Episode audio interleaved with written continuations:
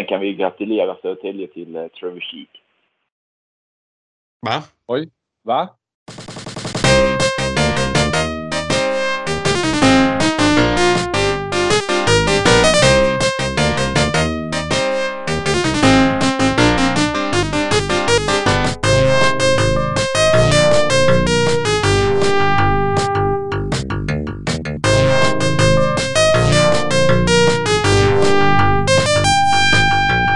Hej och välkomna till H-podden. Eh, mitt namn är som vanligt Adam. Med mig idag har jag Max, Thomas och Peter. Hur är läget med er? Det är bra. Det är, det är bra här också på Nävlingåsen. Jag har varit lite förkyld och så vidare men det har rättat till sig någorlunda. Jag sa det precis här att Peter han smittar mig. Vi blir sjuka samtidigt ungefär, du och jag Peter. Har du med repat det eller? Pratar du med mig eller med Adam nu? Ja, med Peter. Jag tänkte att eftersom att han presenterade oss som Max, Thomas och Peter så tänkte jag att jag skulle vänta till sist med att prata i alla fall. Ja, jo men jag har hämtat mig så jag har jobbat en vecka nu och så nu är det ledig helg så att nu ska jag inte klaga. Har ni KIK hunnit landa och i säsongen som nyss tog slut? Har vi det Max? Jo, det tycker jag väl. Det var väl väntat. Så eh, har det gått tio dagar idag så det har man väl hunnit göra. Ja, jag, jag tycker detsamma. Det, det, man får se att eh, i det stora hela har ju Kristianstad IK svarat för sin bästa säsong någonsin och eh, Modo var ju sett över de sex matcherna som spelas det, det bästa laget. Så att, eh, jag tycker att eh, jag har landat i, i att eh, det är slut den här säsongen för Kristianstad IK. Yes, och så har vi med oss Oliver idag. Hur är läget med dig? Från BIK-redaktionen. Ja. Jag kom precis från Nobelhallen efter att ha sett den fjärde raka förlusten. Så nej, jag, det är inte skitbra. Hur var matchen? Den gick till Sannendef va? Jag vet inte vad HV höll på med riktigt. De drog på sig onödiga utvisningar nästan hela matchen. Så det var väl det som bjöd in BIK i matchen, att de fick spela så pass mycket fem mot fyra. Inte för att de är särskilt duktiga på det, men det är i alla fall två minuter där HV inte får göra mål. Eh, Nej, det, det är rätt så. Bara man tittar på alltså, eh, själva fakta på matchen så, så var det ju hur många utvisningar som helst eh, där då, som du säger Oliver, som, eh, som BIK hade chansen att avgöra och sen då när eh, då HV71 fick en chans, då, då satt eh, pucken i nätet. Det var lite skillnad där i powerplay-effektiviteten. Ja, det kan man lugnt sagt säga, men eh, de, de har ju hyfsade spetsspelare där som kommer in när de spelar powerplay. Så, så det är ju det är svårt att jämföra riktigt. Men, eh, men så är det verkligen. De har ju de har ett otroligt powerplay.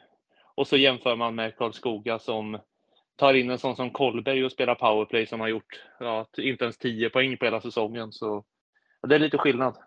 Special teams överlag har väl varit ganska avgörande alla fyra matcher, inte bara idag.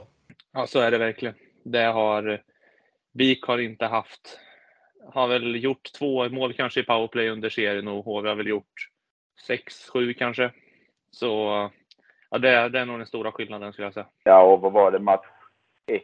Är det då som eh, Sjöholm får sitt matchstraff och det är fem minuter utan att göra någonting. Och match tre när det i slutet av andra perioden får ni två minuter, fem i tre.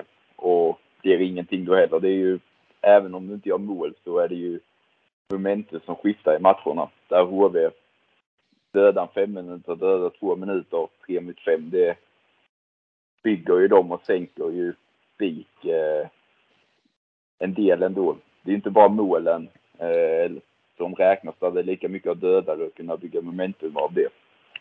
Ja, alltså man satt ju och tänkte där när första matchen var och den där femman kom att om de eh, gör det här och lyckas göra kanske till och med två och lyckas hålla ut, då har det ju kunnat bli en helt annan serie. Men det kändes ju nästan som att BIK, ja, knappt kom till eh, någon farlighet överhuvudtaget just det tillfället.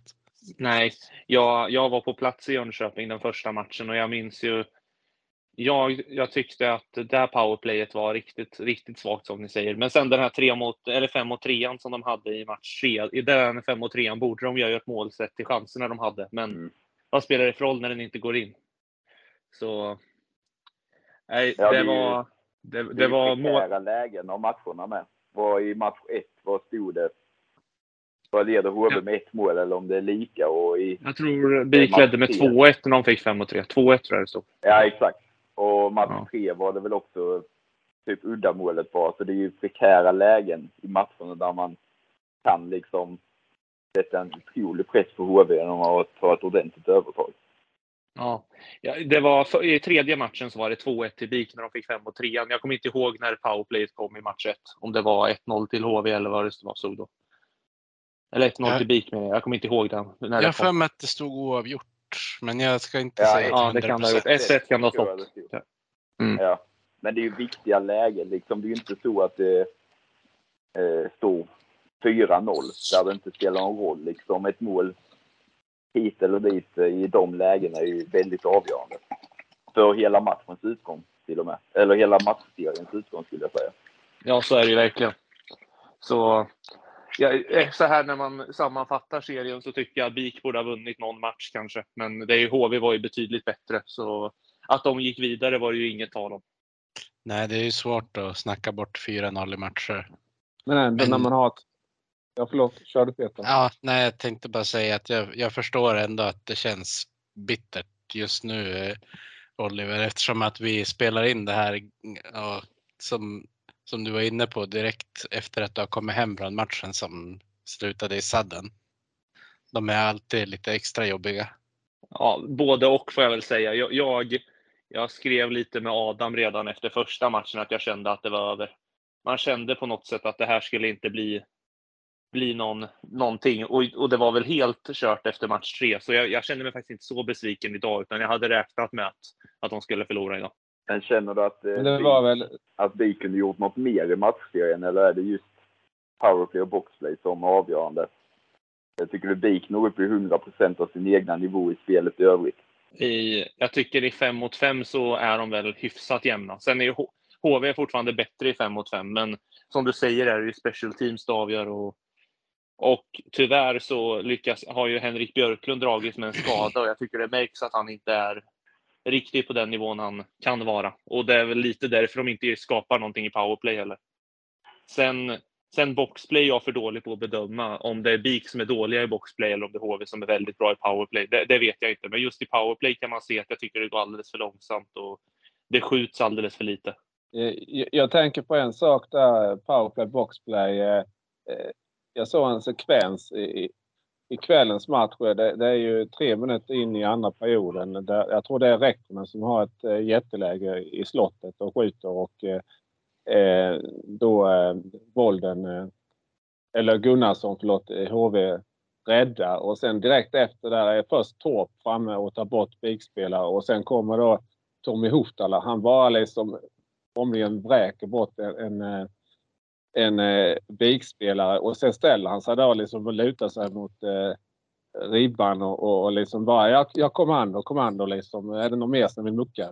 Typ ungefär man, de här hårda typerna som, som eh, Torp, eh, i spetsen kanske då som eh, spelar riktigt tufft. Eh, vi har ju sett de matcherna HV71-spelarna mot eh, KIK. Framförallt då eh, såg jag Torp då som, som eh, liksom verkligen eh, tycker jag spelar på gränsen nästan då eh, för det tillåtna och, och eh, det är klart att de tuffa spelarna i, i eh, boxplay är också viktiga att ha.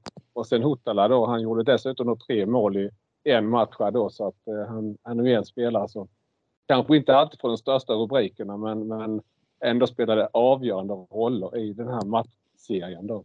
Ja, ja så är det ju. Och det finns ju det finns många spelare i HV som är som är väldigt duktiga, men det är som du säger, de här spelarna blir oftast inte nämnda, just Huttala och Torp, utan man pratar ofta om Powell och André och, och Forsberg och vad heter de? Kelleher och de här. Men det är, de här spelarna gör ju jättemycket jobb. Och det, även de breddspelarna i HV är ju extremt mycket bättre än alla andra breddspelare i de andra lagen. Det är det jag tycker med HVs lag är ja man säger nu blir det slutspel och folk ska spela grisigt med Tove. Men Huttala, Torp, Önneryd, deras liksom sådana spelare är ju minst lika bra om inte bättre som du säger Oliver än alla andra lagen. Så eh, vilket sätt du ska vinna över HV på är ju väldigt svårt hur du än gör. Du kan inte grisa ner dem för det har de spelare som är lika bra på. Du kan inte möta dem med att spela hockey så för där är de bättre. Så det är ett lagbygge som är byggt eh, och kan hantera alla typer av spelformer och alla sekvenser i matcherna. Det är det jag imponeras mest med i deras lagbygge och inte bara att man har spetsspelare med Forsberg och Powell och Keller utan att det finns så jäkla mycket dimensioner i deras lag. Och då har ni inte ens näm nämnt Wessel än. Nej, precis. Nej, och han har poäng i alla matcher i slutspelet. Liksom det... Och Billings som kanske är bästa, ja. Ja, bästa backen i hela serien har vi inte ens nämnt. Nej. Så där är kvalitet överflöd. Eh, ja, men just den att eh, vad motståndaren väljer att spela för spel mot dem så kan de matcha upp med olika spelartyper, olika sätt att bemöta det och spela mot. Sen skulle jag vilja lyfta en, en sak till som är rätt så frapperande och det är lite i likhet med Modo, i alla fall under grundserien då, att eh, en oerhörd förmåga att eh, komma tillbaka från underläge. Man får inte glömma här att i, i tredje matchen så, så ledde ju faktiskt BIK med, med 2-0. Men eh, då HV71 vände till 5-3 och eh, också då ikväll så, så var det ju då eh, eh HV71 som drog det längsta strået här i overtimen. Så att eh, de har en otrolig förmåga.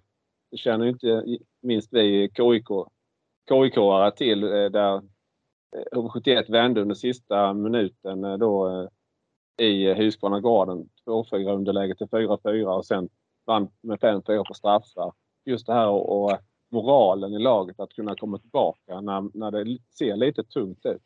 Ja, och eh, den stora anledningen till när vi har pratat upp våra mm, kvartsfinaler och eh, även lite grann semifinalerna när vi pratade det. Um, det har ju varit att HV känns som att de är så pass bra så man behöver liksom inte gå in på djupet på dem, har det nästan känts som. Så jag förstår ju på ett sätt att de som har HV-sympatier eh, som har lyssnat på det här och hoppats på mycket snack om dem har blivit säkert lite besvikna på grund av att vi inte har gått in på djupet när de skulle möta Västervik till exempel. Ja, men de ser ju sig själva som ett SHL-lag. Det är ingen SHL-podd så de får väl skylla sig själva. Men eh, jag tänker på eh, Oliver, eh, utifrån sett eh, så tänkte man att eh, målvaktssidan kanske, kanske då skulle kunna bli avgörande för, för Biks eh, del i alla fall och utmana rejält om, om den här eh, eh, finalplatsen då. Men eh, det känns väl nästan som att Gunnarsson vann den målvaktsmatchen mot eh, Bolden eh, och eh, nu fick Helga Smed bara spela fem och en halv minut innan han blev skadad där. Men eh, mm, hur ser du på det Oliver?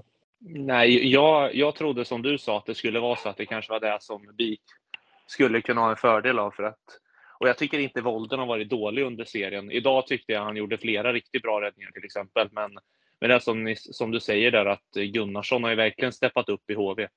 Och framförallt för eh, match tre tyckte jag han var riktigt duktig. Så nej, han, har, han har verkligen steppat upp. Så han har ju varit jätteduktig, men jag ska inte säga att det är att Volden har gått ner, utan det är nog bara att Gunnarsson har varit bättre. Ja. ja. Eh, när de ställde Helgen Smed i match två, var det en eh, petning eller att man ville vila Bolden för hemmamatcherna? Eller har det kommunicerats någonting varför man bytte målvakt? Nej, jag, jag har faktiskt ingen aning om vad tanken var. För jag tyckte Bolden, visst, de hade ju förlorat mot HV i match 1 där, men det var inte så att ja, han släppte in två mål och det var inte katastrof på något sätt. Och det är ingenting kommunicerat kring det. Så jag vet inte om de tyckte att Hellgren såg hetare ut kanske. Så det var nog en petning skulle jag gissa på. Ja, för det kan ju inte vara vila, för ni hade ju vilat i en vecka typ. Ja, nej, det, det tror jag inte heller. Så det, det är ju en petning känns det som. Men eh, jag tänker på Oliver ändå att eh, när du gästade oss här i eh, HA-podden eh, första gången eh, så pratade vi lite om Henrik Björklund och hans betydelse för BIK och det sa du att eh, ja, om inte Henrik Björklund liksom han är med eller om, ja, i spelet om han är skadad eller på något sätt frånvarande från spelet så, så försämras ju BIKs chanser rätt så radikalt. Och nu, nu sa du här att Henrik Björklund, han har ju varit skadad och han, han var kanske inte helt eh, fit för fight ikväll heller eller, eller i matchserien överhuvudtaget kanske. Det är bara en, det är bara en spekulation från min sida, men det, ja, känns okay. inte som att han är, det känns inte som att han är helt hundra. För han har han, jag vet inte, han kämpar inte på, på samma sätt kanske riktigt. Och han har ju inte lyckats att prestera på samma sätt heller. Men sen kan ju det inte bara, det kan ju, inte, kan ju bara vara att han är i formsvacka också, eller att det var för bra motstånd. Men det, min spekulation är att han fortfarande inte är 100% hel. Att man har liksom skyndat tillbaks för att få in honom i slutspelet. Ja. Vad har han haft för skada? Jag har inte... En axelskada tror jag. Okej. Okay. Tänkte på när ja. han var en, en av säsongerna han var i Modo hade han ju stora problem med ryggen. Jag tänkte om det kanske hade varit någon skada som hade kunnat gjort att han besvärades av ryggen igen. Och...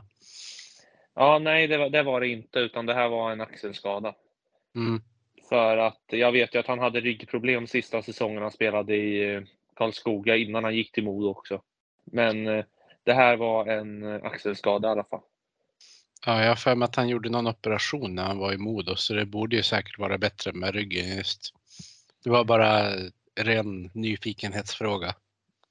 Ja, men det är kanske bra att Björklund fick åka till en klubb med lite mer pengar så han fick åtgärda problemet så han kunde göra poäng åt oss sen. Vi bjuder på den. Ja, det är perfekt. Men den här frågan kanske man behöver fundera på eller svara på ett par dagar efter en säsong har tagit slut. Men om vi försöker se ett lite större perspektiv än den här semifinalen.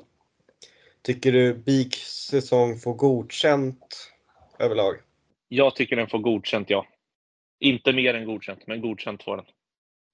Man kan inte kräva att man kan inte kräva att BIK ska slå ut HV71 och man kan inte kräva att BIK blir så mycket bättre än trea i grundserien. Så det här tyckte jag var fullt godkänt.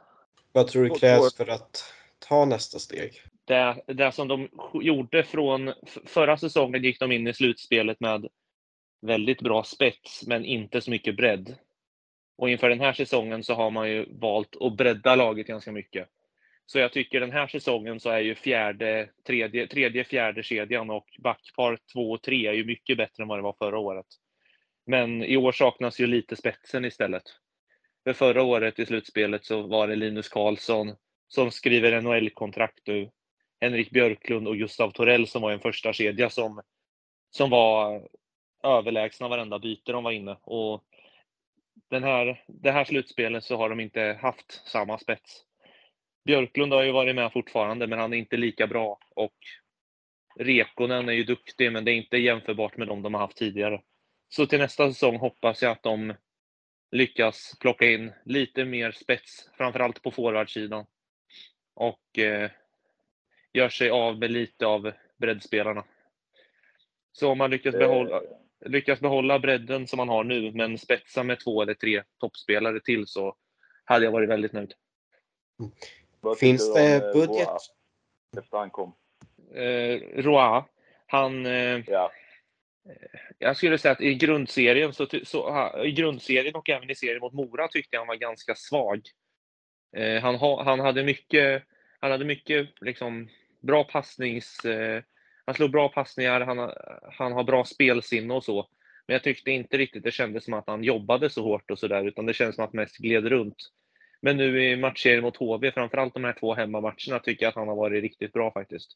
Har jobbat på bra och gjorde ju även mål i match två har jag för mig. Så nej, han har varit duktig. Men jag tror inte han kommer vara kvar. Men duktig var han. Jag tänkte, finns det budget för att ta in en till spetskedja eller handlar det mer om att eh, fynda? Eh, både och skulle jag säga. De, de har ju sagt att de ska öka spelarbudgeten 20% till nästa säsong. Och om de ska göra det så känner jag att då borde det finnas plats att byta ut kanske en tredje kedja mot en första kedja ungefär. Men sen kommer de ju inte kunna plocka in de kommer inte kunna plocka in de bästa spelarna utan det handlar väl om att du måste fynda. Men förhoppningsvis kanske de kan plocka in lite mer offensiva, offensiv skill och lite mindre tvåvägsforwards. Så kan man väl så kan man säga. Sen vet jag att de inte, de kommer inte kunna plocka in tre stycken.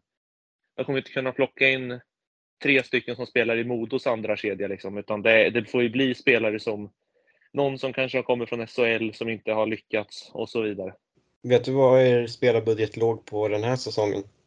Nej, det, det är så det är så mycket olika siffror som, som går runt och eh, BIK har ju blivit anklagade lite för att de ljuger om att de har lägre än vad de har. Men vad, vad ligger, jag har för mig att när jag tittat att de låg på jämförbart med vad Västerås hade ungefär. Men jag kommer inte ihåg vad de har nu. Ja, det som sades om BIK var väl typ 8 miljoner, men då räknar de väl inte in sociala avgifter. Och Vik Nej, låg precis. På, och Vik låg på 12 skulle de väl vara på i år och sen höja till 15 nästa år. Ja, Eh, Nej. Så då kanske Vik har räknat in sociala avgifter. Du får ju ta det och väga in liksom i eh, de grejerna. ja men runt 10 då kanske skulle jag gissa på. Ja, då, Eh, alltså, jag kör du pappa. Eh, Oliver, eh, lite KIK-intresse här. Eh, vi pratade ju förra gången du gästade oss, eh, William Petrus. Eh, du pratade lite här om offensiva skills. Det visar han ju i KIK, men däremot inte något defensivt. Eh, Men du, när vi pratades vid då förra gången så sa du lite att det var lite tvärtom. Att du, han hade överraskat eh, defensivt men kanske inte stuckit ut offensivt. Hur säger du sett hela säsongen och kanske specifikt också nu i matchserien här mot HV71. Hur skulle du bedöma William Petrus säsong? Ja, han, han har ju kontrakt en säsong till. Och, på, och det tycker jag känns bra, men det, är- han har ju inte stuckit ut. Han har inte stuckit ut åt något håll, utan han är en bra back. Men, men det är ju ingen spelare. Han har ju inte fått spela powerplay på hela säsongen nästan. Och han spelar ju inte direkt mycket boxplay heller, så det är, i special teams är han ju inte så mycket inblandad, vilket ändå tyder på att han är ganska långt ner i hierarkin skulle jag säga. Men jag skulle bedöma honom som kanske den fjärde, femte bästa backen av sju. Och han har inte visat så mycket offensiva skills, men är helt okej i defensiv zon. Mm, tack. Ni har ju, har ju åtta utespelare på kontrakt över nästa säsong. Eh, tror du att alla de kommer bli kvar eller tror du att det kommer bli någon början på något helt nytt? Ja, ja, av de åtta som har kontrakt så tänker jag att backarna skulle jag gissa på att de fyra blir kvar. För det är ändå fyra. Jag skulle gissa på fyra backar som sitter på ganska bra kontrakt och som är tillräckligt bra. Men sen för mig så måste de göra sig av med någon av antingen Sebastian Kollberg eller Julius Persson för de två. För jag tycker de två är två av BIKs tre, fyra sämsta forwards. Så de vill jag inte, egentligen vill jag inte ha kvar någon av dem, men det är möjligt att de inte bryter båda. Tror du att eh, Stakkestad blir kvar? Han måste ju ha dragit till sig en del intresse under slutspelet känns det som. Eh, jag, jag har faktiskt ingen koll på, på, jag har väldigt dålig koll på vad, som, vad det ryktas om eller sådär. Men jag hoppas att han blir kvar i alla fall, för det finns mycket att hämta där. Men annars så är ju det ett tips för de mindre klubbarna i serien att sikta på och ge honom ett kontrakt och ge honom en chans i första andra, eller andra kedja. För det finns, det finns nog mycket poäng att hämta där tror jag. Och så högt kommer han nog inte hamna i ett i BIKs lag om de siktar på att öka sin spelarbudget och ta ytterligare steg nästa säsong. Vad, vad säger du om eh, Albert Lyckåsens eh, säsong? Eh, I början av säsongen så tyckte jag han var väldigt svag. Men, men nu är det ju nu är det ju så att i slutspelet framför allt så har han ju varit extremt bra i det offensiva spelet. Gjorde väl två mål i slutspelet bland annat. Och har ju varit över hela säsongen BIKs bästa back i offensiv zon. Sen har han ju lite att jobba på defensivt, men han är ung fortfarande.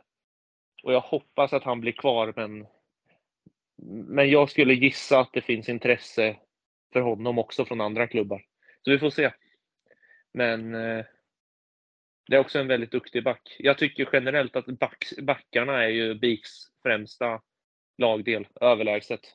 Där egentligen skulle jag kunna tänka mig att ha kvar alla backar.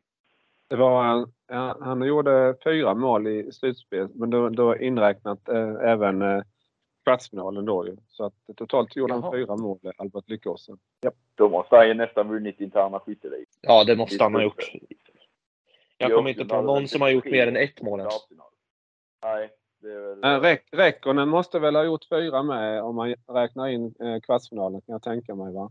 Han gjorde ju eh, några mål där mot Mora och så nu något mål här också nu mot HV71. Så jag tror han är också uppe på fyra mål. Ja, det kan stämma. Jag, vet, jag kommer inte ihåg riktigt. Men du är inte riktigt... Eh, eh, Max, du har ju hyllat Räkkonen rätt så mycket men du, du är inte riktigt lika het på, på Räkkonen Oliver eller? Jo, jo. Nej, han, han tycker jag har varit BIKs bästa spelare i slutspelet. Utan tvekan. Ja. Så, och han, han är...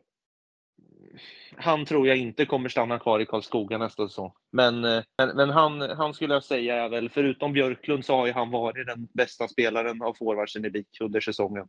Och i slutspelet har han varit bättre än Björklund till och med. Och han gjorde ju mål i, i powerplay i, ikväll då, 2-2 målet och eh, det var hans fjärde mål och eh, Lyckåsen han eh, gjorde ju också eh, målet och det var hans fjärde mål också då. Så att eh, ja, de Mm. delar väl en interna skytteliga segern där i, i slutspelet då för Biks del. Ja, men det låter rimligt. Det, det, jag tror det. Vem, vem skulle du säga har varit den mest underskattade spelaren i Karlskoga? Oj.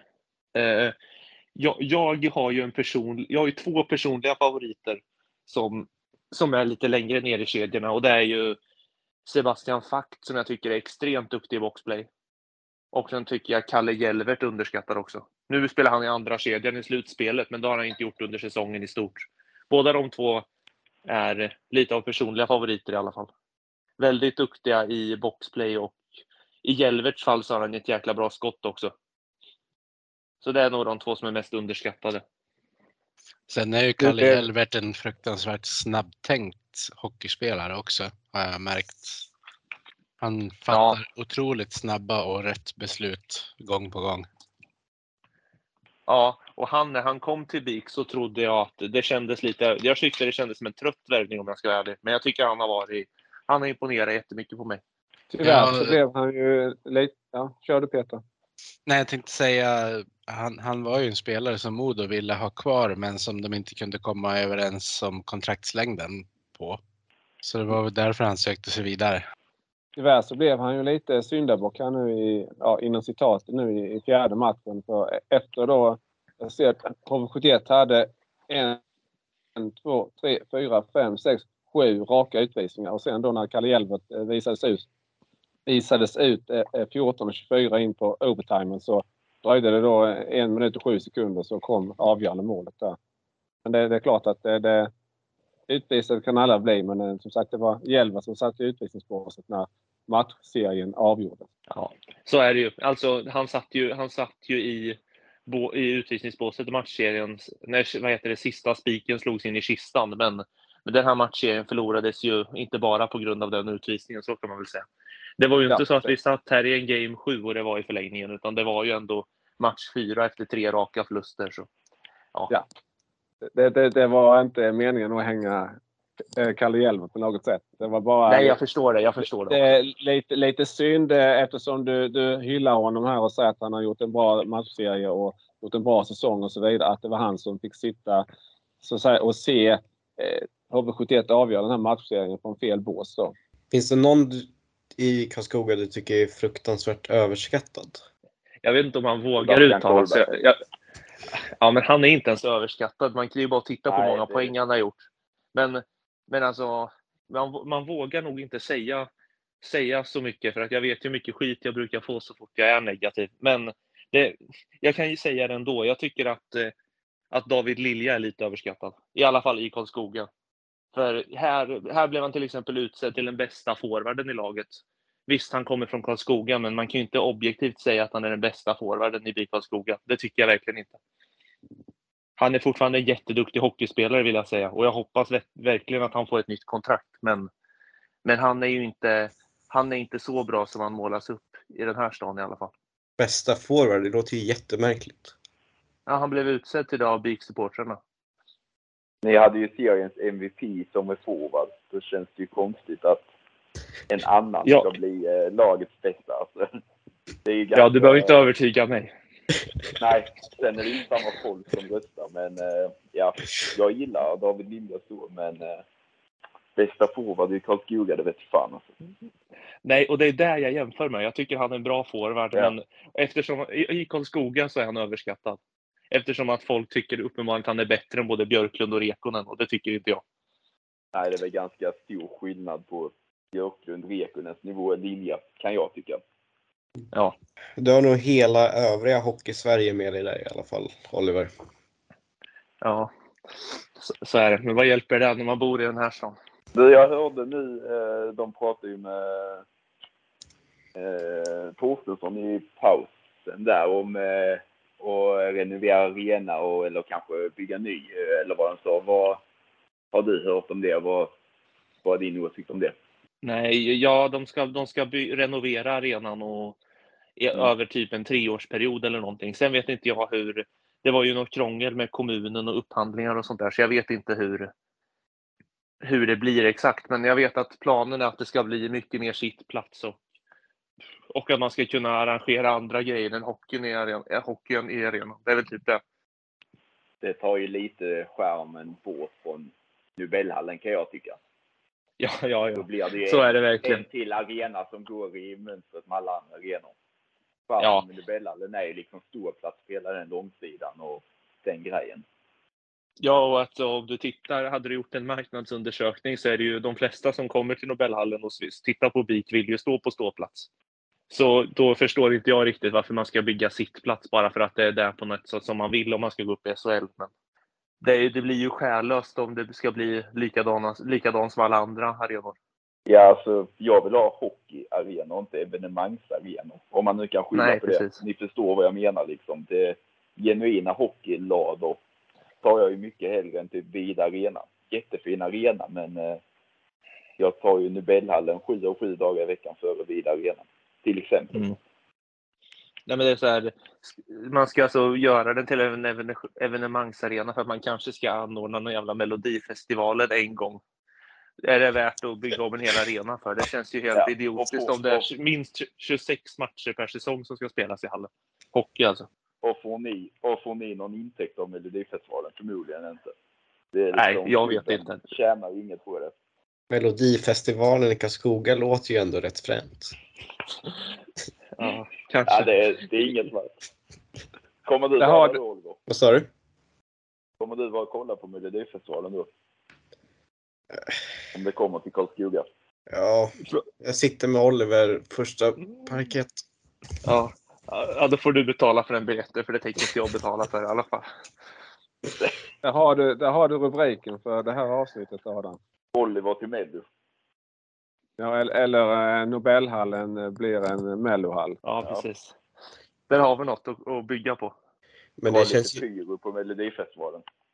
men det här med evenemangsarenor känns som en mer och mer förekommande inom hockeyn för, för just intäkter. Det är ju många som tycker att det är eh, för jävligt att Stockholm inte har en riktigt modern hockeyarena för att det inte finns lika mycket möjligheter att dra in intäkter som kanske en mer annan modern SHL-arena. Det var ju några som skyllde Djurgårdens degradering på det. Ja, det är ju bara löjligt kan jag tycka. Såklart det är, lättare att dra intäkter på ett annat men det är hockey vi ska spela och genuina hockeylador som jag sa eh, tar jag före alla dagar i veckan. Sen jobbar inte jag på någon eh, kontor och räknar antal sedlar. Så då kanske jag inte ska uttala mig fullt ut. Men eh, bara själv upplevelsen och vad jag vill ha så är det ju inte evenemangsarenor. Nej, och en annan sak med det också, som det här med att det ska byggas, att det, jag tror det skulle vara upp mot 5000 platser eller något i hallen som ska byggas. Eller hallen får man väl inte kalla den då kanske, men då, då, känner, jag, då känner man också, ska det vara 5000 platser när det aldrig är mer än 3000 och tittar på hockey i Karlskoga, då kommer det vara 2000 tomma sittplatser varje match. Det känns ju också extremt, ja, ja, det känns ju också extremt tråkigt. Det kommer ju påverka stämningen också för det kommer ju per automatik innebära att alla är mer utspridda. Mm. Kommer, om, om man nu har de där drömmarna om en evenemangsarena i Karlskoga, eh, kommer man lyckas stjäla något evenemang från Karlstad? Ja, nej, jag har ingen aning. Det kanske, de, de kanske är trötta på Melodifestivalen i Karlstad. Vad fan vet jag. Ja, så kan det kanske vara.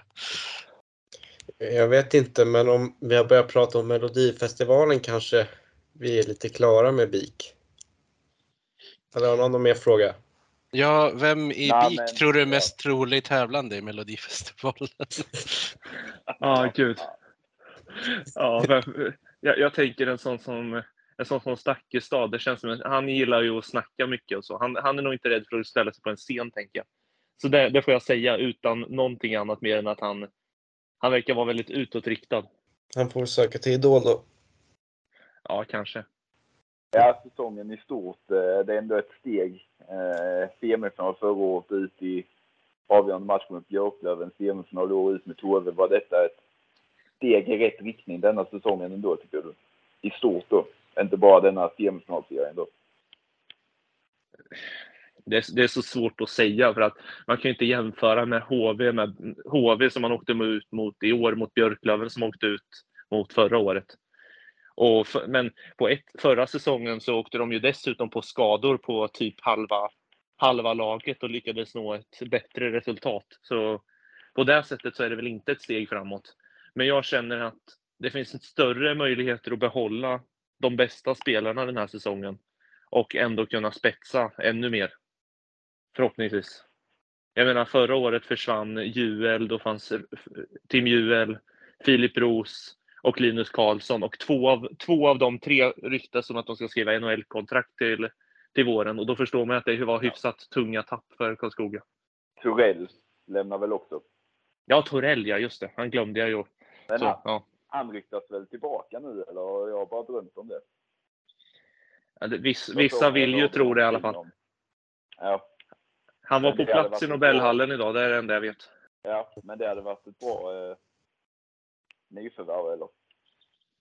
Ja, det tycker jag. Men se- sen vet man ju inte, han blir ju inte yngre heller. Så man vet ju inte, en, dag så förs, försvinner ju lite av kvaliteten. Men jag har alltid gillat Torell. Mm. Så jag hade tagit att han, om, han- om han kom tillbaks. Någonstans är det ganska svårt att jämföra och tänka att man ska ta steg varje år. Bara det här att ni mötte en seriesuverän i år i semifinal och eh, ser, serietrean i fjol gör ju det omöjligt att jämföra. Men jag, jag tänker någonstans att målsättningen borde ju vara att eh, vara en SHL-utmanare år ut och år innan man har ambition att spela där och då kommer man ju gå upp förr eller senare och att om man går till semifinal två år i rad så får man väl säga att ni har varit en kandidat bägge säsongerna. Ja, så är det ju. Och man, man kan ju inte, själv sitter man ju här och är besviken och verkligen hoppas att ja, någon gång måste det hända. Men samtidigt så är det svårt att kräva att man ska gå upp när man inte har de förutsättningarna som de bästa lagen har. För även om Eh. BIK, även om BIK har tagit steg uppåt ekonomiskt och så, så är de ju fortfarande inte, det går inte att jämföra med Björklöven och vad heter de? Björklöven, HV och eh, Modo. Ja, Modo vet jag inte hur, hur det ser ut, för, men, men framförallt Björklöven och Timrå förra året var jag tänkte på. Men detta med valen. Ni hade, om man hade kört rankingen, ni fått eh, Modo i semifinal. Är du irriterad på att, eh, jag är irriterad på att det ska väljas så man inte följer tabellen. Kan du också känna en liten bitterhet att ni fick omöjliga HV direkt i semifinal fast att ni egentligen skulle haft eh, Modo enligt tabellen? Alltså, egentligen hade det inte spelat någon roll, för då hade man ju fått möta HV Ja. oavsett. Jag, jag tyckte spontant att det var väldigt kul att vi, att när, när de valde BIK så tyckte jag det var kul att, att vi skulle få möta HV. Och att det skulle bli liksom mycket, mycket folk på läktaren trodde jag, men så på det sättet tyckte jag det var roligt att de fick möta HV och, och sen kände jag, jag kände väl redan efter typ 20 omgångar att den här säsongen kommer inte, kommer inte vara den man går upp. Och då är det bara kul om säsongen får pågå länge och att man får spela roliga matcher. Yes. eh, är det någon sista fråga om BIK nu? Jag, jag tänkte bara Adam, om, om vi ska ta Mikael Dagen Erikssons eh, pris där eller, eller du tar det senare eller? Eh, det kanske du vill ha som veckans Ja, quiz, eller? ja eh, Oliver är med hela avsnittet ja. Ja. eh, Orkar du Oliver? Ja, ja, det kan jag vara. Jättebra. Då sparar vi på det. Ja. Ska jag bara kolla ditt körschema. Yes. Hade du, eh, hade du varit polis då hade du velat kolla körkortet istället. fy fan vad torr. Alltså vad fan. Det var det jag trodde du skulle säga. Ja, det var...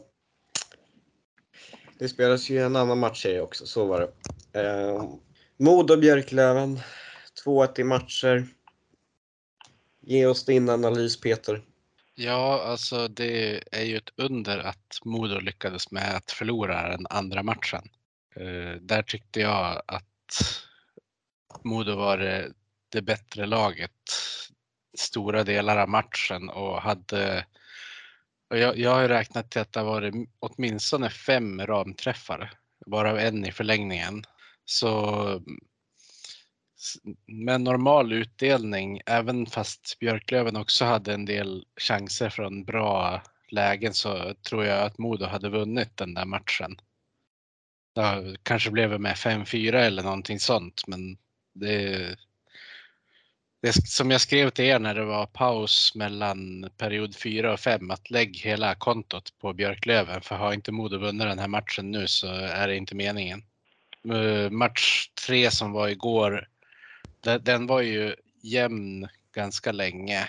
Eh, men Eh, i den tredje perioden så saknade Modo den rätta desperationen. Man började ju spela först efter att man hade släppt in 2-1 och då kom man in till skott istället när man spenderade mycket tid i anfallszonen.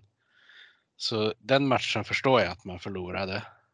Och det var ju, ja men, det var eh, ganska så rättvist också som det kändes. Eh, det kändes som att Björklöven sköljde över Modo lite grann i senare delen av matchen.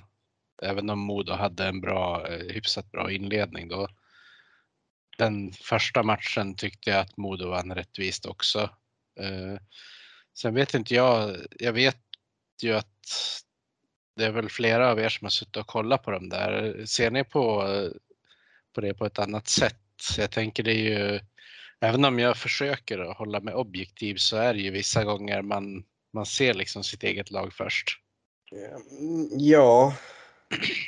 Jag tycker du, du har sammanfattat det mer, mer eller mindre så bra som det går. Kanske Kanske ett under att Björklöven vann match två är lite överdrivet men jag tycker absolut att ni förtjänade den matchen. Eh, och jag tycker ni var, vann match 1 välförtjänt också. Håller med dig om match 3 också. Mm. Jag har ju sett Modo spela ett gäng sådana matcher den här säsongen och då har de ofta kommit tillbaka till matchen efter som ett helt nytt lag med ett stort jävla anamma och en helt annan inställning. Så jag hoppas ju på något liknande nu imorgon. Jag har, har pratat med Emil Wahlberg som är en ganska klok hockeyspelare tidigare ikväll när jag spelade in min podd Kempis Corner. Och han var ju inne på att de måste ju eh, upp i pressspelet och göra det jobbigt för Björklöven som de gjorde i första och till mångt och mycket andra matchen också. Det funkade ju inte alls i gårdagsmatchen. Sen jag själv tycker att eh, det blev ju på tok för mycket fokus på domarna från spelarnas sida. Det är en helt annan grej om fans blir irriterade och frustrerade för det påverkar ju inte spelet på isen. Men om spelarna börjar lägga mer fokus på domarinsatsen då är det ju lätt att matchen glider ifrån en. Sen var det ju inte bara eh, spelarna som, som la fokus på domaren. Det var ju, det var ju Eh, Karlin också som, eh, la, la fokus både på Björklövens spelare och även på, på domaren då indirekt. Så att eh, eh, lite förvånande. Vad, vad tänker du där Peter? Alltså jag, när jag, de matcherna jag såg eh, i kvartsfinalmatchserien där mellan KIK och Modo så, så man tittar bort mot eh, Modos bås så Karlin han, man, man såg inte att han rörde sig någonting nästan och ingen min överhuvudtaget. Det var mer Holmström som rörde sig lite och så där, som jag såg. Så jag blev förvånad eh, lite efter spelet här att han går till angrepp mot framförallt Rahimi och, liksom, och, och så. Eh, din kommentar där? Ja, men han vill sätta press på domarna. Han har ju ja. sett att de dömer med en helt annan regelbok för Rahimi, ungefär som eh, de gjorde med Jonas Frögren när Modo mötte Leksand 2016. Han fick hålla på och grisa hur mycket han ville, men när någon gav tillbaka då vart de utvisade. Så han, han vill förmodligen lägga fokus på att de ska kolla på vad Rahimi gör också. Sen tycker jag att han, han uttryckte sig ganska plumpt och hade kanske kunnat sköta det på ett snyggare sätt. Men jag förstår ju vad poängen är med att säga de grejerna som han vill få fram. Men han säger det ju i affekt och därför låter det inte jättebra. Nej, det blir ju lite plumpt när han går på eh, Rahimi på det sättet. För då faller liksom alla hans tidiga argument faller på något sätt liksom platt till marken kan, kan jag tycka. Men, men, sen så är det väl också så att eh, lite som Mikael Gart gjorde, att han försökte liksom eh, genom sitt sätt att ta fokus eh, eh så slapp eh, KIK-spelarna i det fallet då på fokus från media och, och från ja, externt håll och så vidare då eh, och kunde fokusera sig på själva kommande matcherna. Och likaså kan det vara så att Karlin i det här fallet kanske vill han tar åt sig massa fokus själv för att eh, de modespelarna ska kunna fokusera på kommande matcher istället. Ja, så kan det absolut vara och han vet att det var en grinig match och han vet att om han säger sådana där saker så som du säger så flyttas ju fokus kanske till honom istället. Uh, jag, jag, jag, förstår som sagt varför han säger det men jag tyckte inte om sättet han sa det på. Sen när man ska titta mer till spelet så det, det som eh, var en av de stora skillnaderna mellan eh, Kristianstad och Modo som jag såg det var ju special teams och, där då KIK var ju urusla mer eller mindre i powerplay men eh, Modo var betydligt bättre och eh, nu så här långt i den här matchserien så har ju Modo inte eh, kommit så väl upp i, i powerplay. Så att där, där finns det mycket mer att önska också. Ja, jag, jag tycker de jag hade en stor tendens i match tre nu att eh, leta efter det perfekta läget. Jag vet inte om det var alla ramträffar som gjorde att man sökte ett annat sätt att spela i den här matchen, men de hade ju möjligheter att spela och Claes Endre var ju väldigt mänsklig och släppte väldigt mycket returer, så jag blev förvånad att man inte sköt mer. Ehm, det var ju i första perioden sköt man ju ändå rätt mycket skott som som blev släppta som såg ut som man skulle kunna hålla. Och då trodde jag ju att man skulle lägga, lägga lite mer kraft på att få in folk på mål och lägga ner puckarna. Men det gjorde man inte. Man gjorde ju typ tvärtom.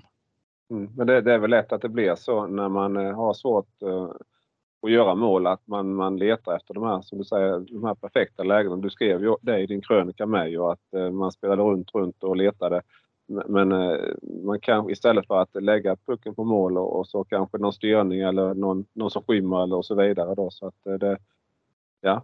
så det finns väl en hel del som Modo skulle kunna förbättra i sitt spel tankemässigt och eh, även utförandemässigt då på isen. Ja, det var ju ett sånt här typexempel strax innan eh, de gör det här målet i öppen kasse när Filip Hasa eh, var i det läget, kliver fram. Jag vet inte om han ens träffar pucken eh, när han ska försöka skjuta första gången. Andra gången blir det någon himla halvträff. Och så var det ju varje gång de försökte skjuta mer eller mindre från öppet läge. Jag la ju upp på min Twitter, mitt Twitterflöde också, Jelisejevs läge där han hade vänt upp och hade flyttat på fyra spelare i Björklöven, men han tog två, tre touch till och helt plötsligt så hade han inget läge längre. Han hade folk om- inne på mål och han hade ett jättebra skottläge. Har inte det varit generellt med Jeltsejevs både i KIK-serien och nu? Alltså han så jäkla kylig med pucken men eh, han ger ju sig läge att kunna avsluta men han söker genomspelet eh, gång på gång på gång istället för att ta avslutet själv. Det är ingen gång som han eh, tar det för han väntar in perfekt, skryter försvararna och skapar sig läget men tar det aldrig själv utan vill ge bort det till en annan. Ja, men det har ju Det varit... jäkla, Det, det är ju sån jäkla kvalitet i sakerna han gör fram till han bestämmer sig för att en passning istället för att ta avslutet själv. ja, det är lite som Riley Woods var i början av säsongen. Eh, han gjorde rätt saker, men han gjorde dem eh, 80% bra eller en halv sekund för sent. Nu, sen såg ni hur det gick för han när han började komma in i flowet. Men känslan med Jelisius är väl lite att han känner nu press att han inte har levererat. Okej, han är jäkligt bra i spelet nu, men han ska ändå göra poäng. Och då Ja. gör han det lite för svårt istället för att lita på första instinkten så söker han ett ännu bättre läge. För Ja, men precis, att han, eh, tänker så himla mycket. ja. Jag håller med dig helt. tycker han är extremt bra. Både i serien mot KIK och framförallt mot slutet där och nu i denna serien tycker han är ah, nästan dominant varje gång han är på isen känns det som. Ja, det är en otroligt duktig hockeyspelare och väldigt smart. Ja, det känns Men- som en islossning där så är det ju en jäkla joker om man tittar på. Ja, verkligen. Han har jättemycket hockey i sig. Men det är väl det att han tänker för mycket. Sen tycker jag, eh, jag vet inte hur många spelvändningar Modo har haft när man har spelat två mot en. Och man är så jäkla fokuserad på att spela till den andra killen att man lägger pucken rakt på backen till slut. För att man, man vågar inte ens skjuta. Men jag, jag, jag tänkte på det igår. Det var två stycken två mot ett. Jag tror det var mot Kalle Johansson en gång och Nörstebo en gång. Eh, Ja. I vanliga fall så släpper du ju skytten och tar bort eh, passningen i prio ett. Men de eh, visste ju liksom så stensäkert så, eller så, de var ju ännu mer och bara tog bort passningen. Alltså noll fokus på puckföraren utan helt bara backade av och tog eh, genomspelet. Mm. Eh, och det känns ju konstigt att det skulle kunna vara så tydligt för att backarna skulle kunna känna av det så lätt. För det var nästan skrattretande att se framförallt Nörstebös tillfälle när han helt bara släppte han. Inte ens gav en liten intention på att stressa utan helt bara backade av och täckte igenom spelet. Ja, men precis. Och det, det har varit genomgående i hela serien. Eh, jag vet inte, tror det var fyra lägen i första matchen. Eh, något som Lindgren bröt och något som Nörstebö bröt där också. Mm. Det var så otroligt uppenbart att de bara sökte passningen. Alltså, de visste inte vad de skulle göra när de bara täckte bort passningen. Utan de la pucken typ på benskyddet på en gång. Det var ju bara Sylvander när han kom med Oskar Pettersson igår som faktiskt sköt. Och det är väl läget där du ska passa. ja, faktiskt. Ju, där gick ju backen stenhårt på Sylvander. Ja, han, eh, det går ju så snabbt, han hinner inte uppfatta situationen. Att han Nej. har med sig Oskar Pettersson i mitten, han bara försöker klämma den på mål direkt. ja, precis. Men... Lite förmildrande, för den studsar in från eh, sarg, sarghörnan och så blir han två med detta. mm, Så det kan man ju inte lägga på Sylvander så, men eh, det är ju ganska talande att den situationen när du skulle sökt passningen, just då tog man skottet. ja, faktiskt. Jag, jag tänkte på det där jag också. Men å andra sidan Sylvander är väl en sån som tänker på att göra de lite enklare sakerna först. Och det behöver inte vara fel heller. Nej, så är det. Sen eh, tyckte jag någon grej i eh, spelet, framförallt i gårdagens match. Eh, det som Modo är så otroligt skickliga på med backarna som hoppar med i anfallen och att det kan vara två backar bakom offensivt mål och det är två forwards på blålinjen. Det känns som det finns en... Han har ändå bjudit på friläget nu direkt som blev straffen igår ett i de andra matcherna. Att det är lite respekt för Björklövens extremt snabba spelvändningar så det är mer statiskt uppställt spel i anfallszon än att det är fem stycken som hoppar med och att backarna kan eh, pincha ner med pucken och sådana grejer. Det känns som det är någon respekt nu det Ja. har för Björklöven där det inte är samma frihet i offensiv zon om man kan säga så. Nej, igår var det verkligen så. I matchen innan då var det ju ändå en hel del rörelse, åtminstone de här mer skillade kedjorna gjorde. Mm. Men igår, det var verkligen tydligt det du säger. Men det var Och- ett tillfälle där eh, det blir straffen. Där Mm. det vilken back det är, högerbacken i det tillfället, hoppar med och vill ha en dropp. Men eh, spelaren inte lyckas droppa den och det blir ett friläge. Så det kanske sätter så snabbt käppar i huvudet att fasen vi måste eh, vara lite säkrare defensivt först och inte kanske hoppa med och prioritera det offensiva. Ja, men precis. Det var ju Oskar Pettersson då som la passningen Mm. snett bakåt som ledde till den där spelvändningen och i ren desperation så gör han ju en solklar hakning sen. Ja, och där alltså om man får bort det från Modus spel då är mycket vunnet. För det är ju den grejen mot KIK som är stort avgörande. Bara kolla 3-2 målet Ingmar gör i match 6. Det är att Mm. han hoppar med och den som stöter in öppet mål. Det blir så otroligt svårt att försvara mot när forwards måste, alltså Björklövens forwards i detta fallet måste jobba ner till egen kasse om man nu ska följa sin spelare. Det blir skapas mycket frågetecken för försvararna. Ja, men precis, för då, då kan isolera det att Modo inte kommer till det så tror jag det är väldigt mycket vunnet för Björklöven. För det Ja, är de för- anfallen och skapa rotation och skapa situationer på att man är rörliga som Modo är. Ja, det tycker jag de är överlägset bäst i serien på. Där man således kommer till extremt mycket avslut i sektorn. Ja, men absolut. Och just det där målet du är inne på i matchen mot KIK också, där går ju Svenningsson från högerforward till högerback till vänsterback till vänsterforward innan han slår passningen. Och då har Ingman Gjort tvärtom. Ja, han har klivit in som vänsterforward först, insett att Svenningsson går runt så han driver kassen på högersidan istället. Och då har han ju förvisso en markering, men det hade han inte när han hade gått på andra sidan först. Så det är ju därför han slår sin gubbe också. Nej, så jag vet inte om det är något... Ja, Björklöven spelar ju så jäkla rakt och mycket chippar ut Fukimitsu i mittzon när man vinner den och så låter man forwards störta med puckan som man kallar space play. Som kom till NHL för typ fem år sedan som Pittsburgh vann två Stanley Cup på. Som Stråle spelar nu med Björklöven. Det är inte så jäkla omständigt i egen zon. Eh, utan det är snabbt ut i mittzon så skapar man därifrån. Där Modo är helt tvärtom, där det ska vara tre droppar för puckinnehavet och kontrollerade både zonutgångar och ingångar som bygger deras framgång. Så det är intressant att se två ganska olika spelstilar mötas här. Ja, det var ju väldigt tydligt eh, den eh, sista matchen de spelade mot varann i, eh, i grundserien. Nu spelade ju de klart i december, men då hade ju Björklöven plockat ner sin jumbotron. Och då var det ju ännu högre puckar de la. Ja, Det var, ju, det var ju så otroligt uppenbart att det var så de ville spela. ja det tror jag är en liten baktanke för då, alltså tappar man puck, du vill ju inte att två forwards ska vara de som ska backa och försöka försvara när det kommer tre stötande Björklöven forwards mot den. Eh, och då är vi inne på det igen att då blir det mer stationärt i anfallszon och då tar man bort Modus största offensiva vapen. Så jag tycker Ja. att Stråle där och han leder coachmatchen eh, i den biten i alla fall sen.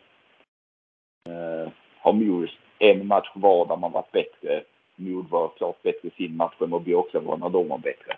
Och en match som var relativt jämn, kanske lite fördel Modo, men det känns ändå som Stråle har hittat några viktiga punkter att trycka på för att störa Modus framförallt offensiva spel. Ja, det har de absolut. Sen tyckte jag Modo satte ihop sina kedjor jättekonstigt i avslutningen igår. Eh, när de hade in eh, ja, men Sebastian Olsson och Tanner McMaster och Riley Woods tror jag samtidigt. Det var liksom ingenting som hände. Så där gjorde de ju något försök till att ändra på någonting som inte funkade alls i, från Modos sida. Riley Woods, eh, han har ju inte gjort något mål hittills i, de här tre matcherna mot Björklöv. Björklöven. Men det är klart, det är en sån spelare som har gjort mycket mål i grundserien och även gjorde mål eh, i serien mot i kvartsfinalmatchserien mot KIK som inte har klivit fram målmässigt då, så här långt. Det är ju faktiskt rätt mycket backmål. Bernhardt gjorde ju, eh, har gjort två mål här nu så här långt. Ju. Så att eh, där, där finns ju lite att jobba på kanske få igång eh, Woods. Eh. Nu tänkte jag också på att så sa här den avgörande matchen nere i Kristianstad. Det var ju inte bara det att Ingman gjorde det avgörande målet. Nässén klev ju också fram och sköt in kvitteringspucken i offensiv zon där. Så att det var ju verkligen fem anfallande modespelare i den matchserien. Man kanske inte orkar, så man kanske inte vågar riktigt då, som Max är inne på, spela nu mot Björklöven. Ja, och sen eh, Björklöven, eh, om man ska jämföra KIK, KIK gav ju havet i egen zon. Det störde jag mig på i varje match som KIK spelade mot Modo. Att ja, låt dem yra på utsida och spela så eh, rörligt då, men då så får gärna forwards kollapsa ner tre fyra meter i egen zon, att de kan stå på toppen av cirkeln istället för 3 meter ovanför den. Och skydda liksom ditt inre eftersom att Modo är så skickliga på att hitta in i skottsektorn. Eh, Björklövens forwards är faktiskt lite mer passiv i egen zon och har fallit ner någon meter mer än vad KIKs gjorde och det har kanske mest stängt lite utav vägarna eh, som Modo vill skapa. Sen eh, när det var som i match två när Modo får så otroligt mycket långa anfall så kommer det ju skapa chanser till slut ändå. Med att Björklöven gör misstag för det var ju en och en halv, två minuters byte gång på gång på gång som Modo kunde skapa offensiv zon. Eh, jag tycker Björklund ändå hanterat det tills tröttheten har kommit i egen zon på ett bra sätt. Mycket bättre än vad KF gjorde förmodligen i alla fall. Ja, det har inte varit de här klara ingångarna. Det har ju varit som, ja, men som läget Jeliseus fick igår när han kommer från runden och lyckas hitta en, en zon mittemellan tre spelare. Det är ju inte ofta de luckorna finns annars. Jag tänkte bara på det nu. Eh, igår så Styv spelade 6 minuter 55, men då rullade ni och han spelade typ 11 minuter totalt nästan. Då rullade ni ganska mycket på eh, sju backar, vilket jag hatar när lag gör. Eh, jag tycker Styv har sett bra ut, men eh, vill du att han inte ska spela någon minut eller gillar du att man rullar på sju backar? Bara din syn på hur man ska göra när man ändå har sju bra backar. Jag tycker Modo matchar backarna fel överlag. Jag tycker inte Bernhardt och Nässén ska spela tillsammans i 5 mot 5 för båda två vill eh, så mycket offensivt. Och nu har ju förvisso Bernhardt spelat mycket bättre i defensiven än han gjorde mot KIK. Men jag tyckte att de, de matchade ihop backparen bättre förut. Jag, jag kan gilla om man startar med Bernhardt och Nässén ihop när man har första kedjan inne i anfallszon. Att då kanske man kan matcha ett byte. Att fasen nu sätter vi Nässén och Bernhardt ihop bara för att få just de fem på isen och få ett, typ ett powerplay-spel i 5 mot 5. Eh, då kan jag gilla det, men det som du säger, i övriga situationer 5 mot 5 så finns det ju bättre lösningar hur man ska matcha deras backuppsättning. Tycker jag. Ja, absolut. Eh, sen tycker jag att eh, Wahlberg och Folin har varit klasser bättre än eh, än Hasa och Ingman har varit som är det andra backparet. Och då... Jag tycker Ingman har mycket stora problem faktiskt, både i KIK-serien och här. Ja, han blir väldigt fastcheckad av Björklöven har jag märkt. Vad var det? Två, eh, Jakob Olofssons kvittering i match två. Är det ju Ingman som helt inte lyckas hantera pressen och skänker bort pucken. Ja, ja, precis. Och eh, strax innan 3-1 eh, målet. Igår är det ju Hasa som har problem. Dels med pucken i anfallszon men också att de ska försöka att få någon form av eh, kommunikation när Selin är på väg förbi. Det är ju ingen som pratar med killen som är sist och säger att du måste stoppa han till varje pris. Nej, exakt. Men sen måste man ju säga så här att hade Modo tagit betalt match två där man lett serien med 2-1. Nu pratar vi ju som att Modo har, alltså att Björklöven har stor fördel. Modo har ju faktiskt ändå överlag varit det bättre laget. Det ska vi ju, även om det står 2-1 i matcher, på den resultatbransch så måste vi ju vara ärliga och säga att jag, Modo har varit det bättre laget totalt sett, enligt mig i alla fall. Ja, just den biten har gjort att jag kanske har känt mig mindre orolig än vad man kanske borde ha behövt göra i en sån här matchserie. För jag, Men- jag, tänkte, jag tänkte efter match två som jag tänkte efter den här match fem mot Kristianstad också, att det finns så mycket grejer som talar för Modo. Men sen spelar de ju så otroligt ängsligt igår. Eh, nu att de har förlorat två matcher i rad för första gången, tror du det sätter några spöken på något sätt i huvudena? Eller det är skönt att den grejen är borta? Jag tror nog inte att spelarna bryr sig om det överhuvudtaget nu när det handlar om slutspelet, utan jag tror det var ett mål de hade i grundserien. Jag tror att de har släppt sådana där grejer nu när det är slutspel. Jag skulle ha frågat Emil Wahlberg det, men jag tänkte inte på det när jag höll på. Därför man har ändå hört eh, i... Det är lätt att säga när du fortfarande har sviten i ditt liv. För jag hörde intervju med Bernhard efter match. Både, det var Bernhard efter match tre i Kristianstad och det var Tex efter match fem uppe i Övik där de poängterade, ja, men eh, vi har fortfarande förlorat två matcher på rad på hela säsongen och vi känner oss trygga. Eh, så när det var till ens egen fördel så poängterar man det också i slutspelet ändå. Mm. Men det är väl klart man drar alla fördelar man kan. Alltså, och sen Ja. kanske inte det spelar någon större roll ändå. Nej, men då har det ändå varit närvarande i mentalt på något sätt och då är det intressant att se nu när det när den bröts eh, om det på något sätt eh, påverkar. Jag tror inte det, men eh, i och med att man poängterat det även i serien mot Kristianstad och säkerligen efter match två mot Björklöven. Jag var inte så insatt i intervjuer efter då för jag är inte så känslomässigt involverad i den serien som var i förra förmodligen. Så eh, ja, bara lite intressant liksom mental aspekt i alla fall. Jag tänkte, Oliver har inte sagt någonting under, har du någon fråga om den här matchserien? Ja, jag har inte kunnat sett, jag så, har bara sett en av matcherna och jag såg den första. Så jag, har, jag kände att jag, jag tog ett litet steg bakåt här så lå, låter jag er som har sett fler matcher och prata. Men däremot tänkte jag på, du pratade om förut att han har, att han, hade han bytt lite i kedjorna sa du under match tre?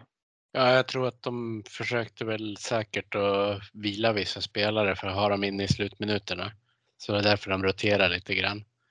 Ja, Okej, så det var inte så att de gjorde om en massa i kedjorna och sånt utan Nej, det var inte, mer... på, ett- inte på det viset, utan de ville säkert ha sina sexor när de skulle plocka ut målvakten kan jag tänka mig. Så därför matchade de lite konstigt. Ja, okej. Ja, för annars, just en sån grej är någonting som jag tycker sänder dåliga signaler när man byter, när man flyttar runt en massa i kedjorna i situationer där man inte behöver det kanske.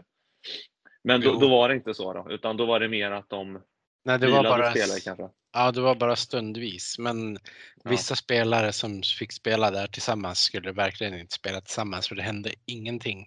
Varken framåt eller bakåt. Men är det inte konstigt om du nu säger att man ska vila spelare till sista? Att det är väl större chans att man rullar på som det är tänkt från början och ger det en chans sista åtta minuterna än att man ska vila dem in till sista två minuterna när man plockar målvakten. Det måste vara större chans att få in kviteringspucken om man hela slutförseringen liksom rullar på så som man ska göra. Ja, nu bara spekulerade jag i varför de gjorde den där kedjan så där också, men det kändes eh, svårmotiverat. Så var det 3 av 10 kvar när man plockade målvakt och Lunda med ett mål. Nu är det lätt att vara efterklok när man släpper in mål, men eh, spontant så gillar jag inte att ta ut honom så tidigt när det bara skiljer ett mål. Och nu 3.46 va? det. Ja, det var över tre minuter i alla fall, det vet jag. En 3.46 liksom. Varför Mm. inte det lite tidigt?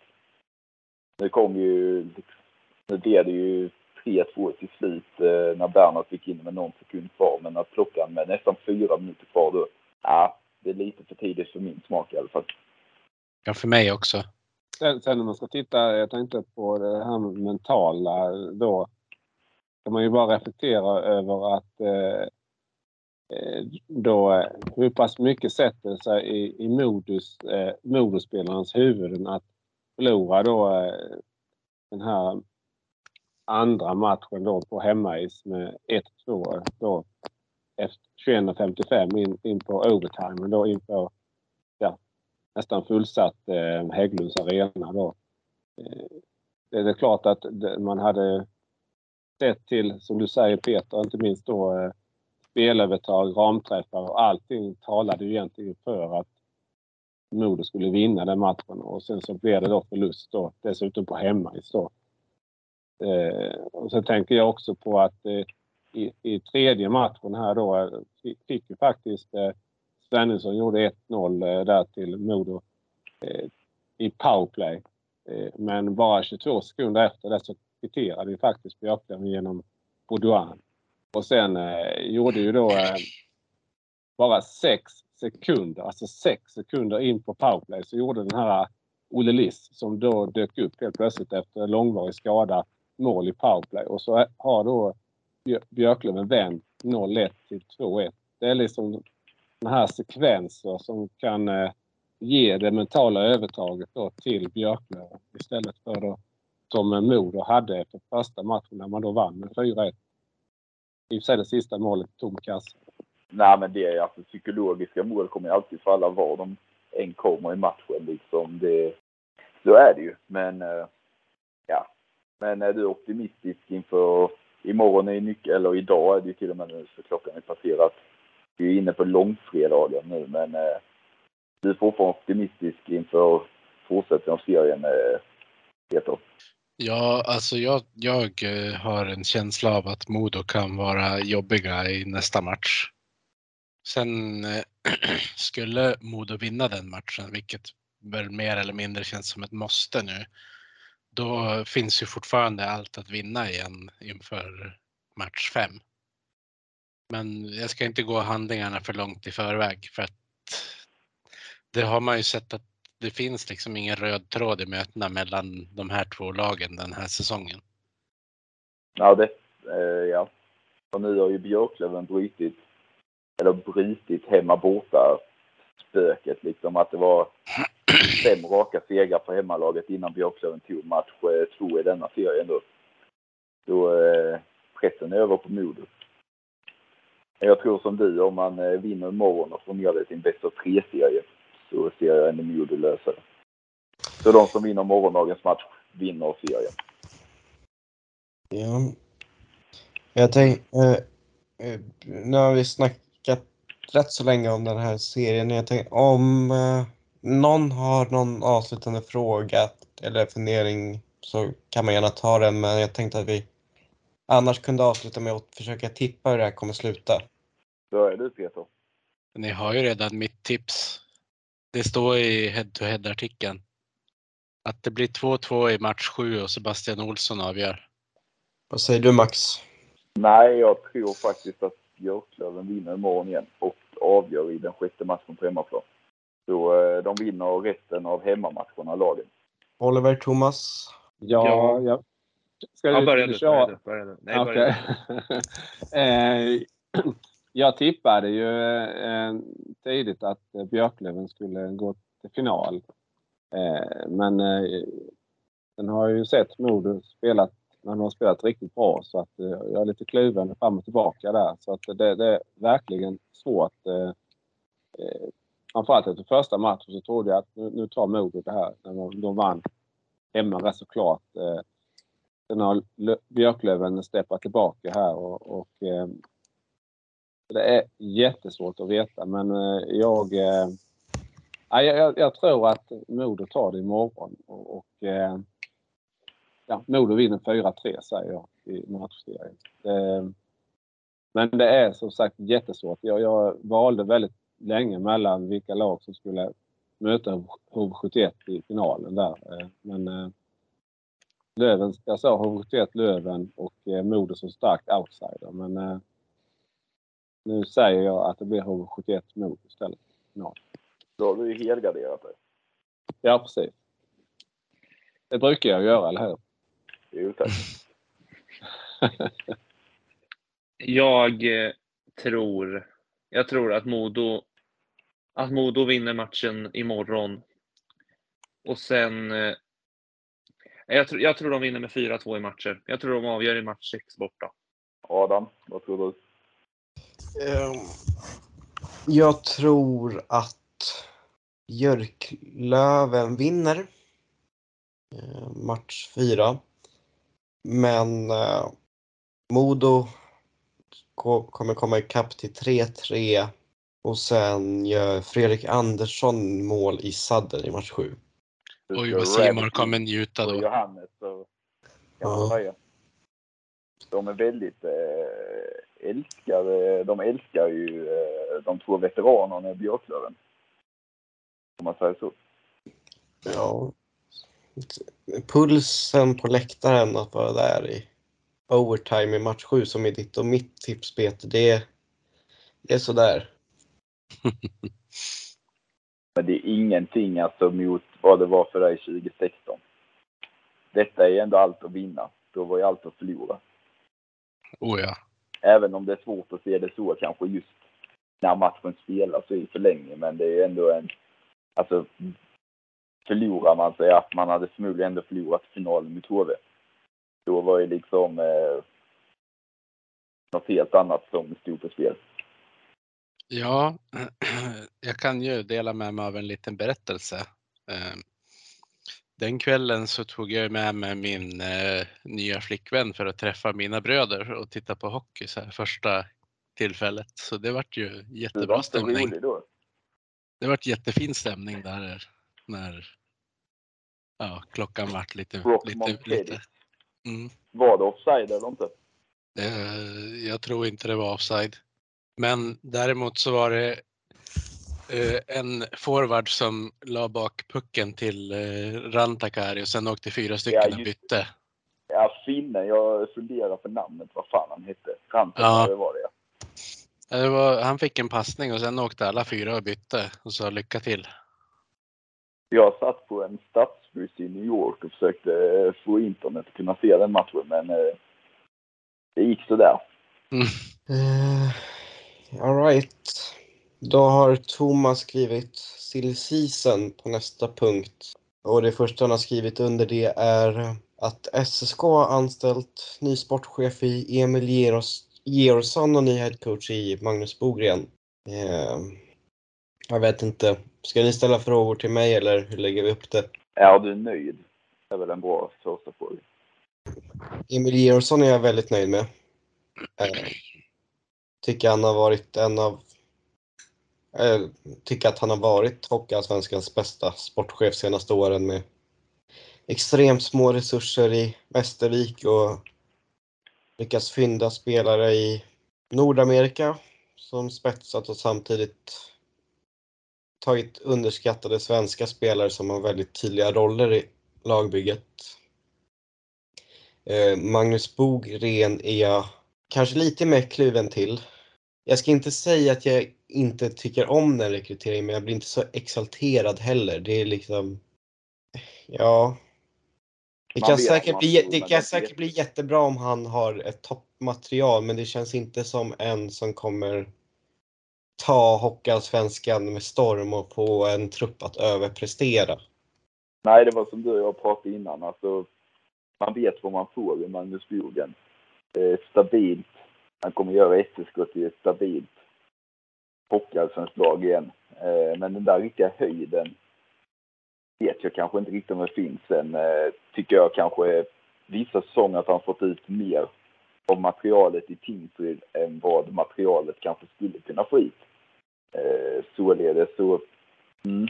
Men ja, den där höga uppsidan, Magnus Bogen ser jag inte, men en stabil och bra hockeyallsvensk tränare är det i alla fall som kommer göra SSK till ett stabilt lag igen.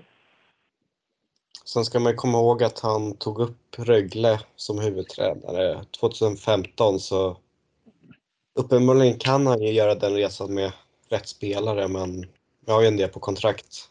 Vem var assisterande tränare då? Var det Gatväl? Jajamän. Det var ju då Devo mot eh, Helmersson. Men nej, Bogen, jag, alltså, han spelar en, en tydlig hockey. Alltså extremt mycket struktur i hans lag. Och det kanske SSK behöver eh, efter denna säsongen med Stenström från början. Eh, och Bosic då, att man får in någon med riktigt tydlig struktur och ja, man vet vad man får. Det är väl skönt på eh, sitt sätt kan jag tänka som SVT-supporter att man vet vad man liksom får. Eh, kanske varken mer eller mindre. Men att slippa känna sig orolig hela tiden eh, över vad som ska hända.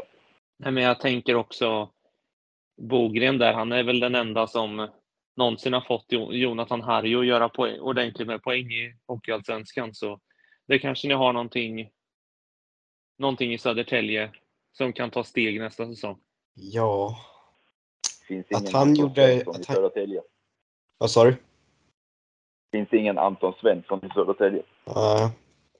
Men att han gjorde 23 mål är ju. Jag kan inte se det. Ja, det är svårt att förstå när man stod han i Södertälje denna säsongen. Nu stod han Mm. mycket mer än mig, men eh, ja. Jag har, jag har ju sett det här ju två, nästan två hela säsonger i Karlskoga också. Jag, jag var helt chockad över den utvecklingen måste jag säga. Så, inte för att han var en jättedålig spelare, men jag hade inte sett honom göra mer än tio mål om jag ska vara ärlig. På en bra säsong jag, alltså. ser, jag ser han som en gedigen spelare, men utan den här offensiva uppsidan. Ja, precis. Ja, eh, bra hockeyallsvensk spelare, men inte den offensiva uppsidan.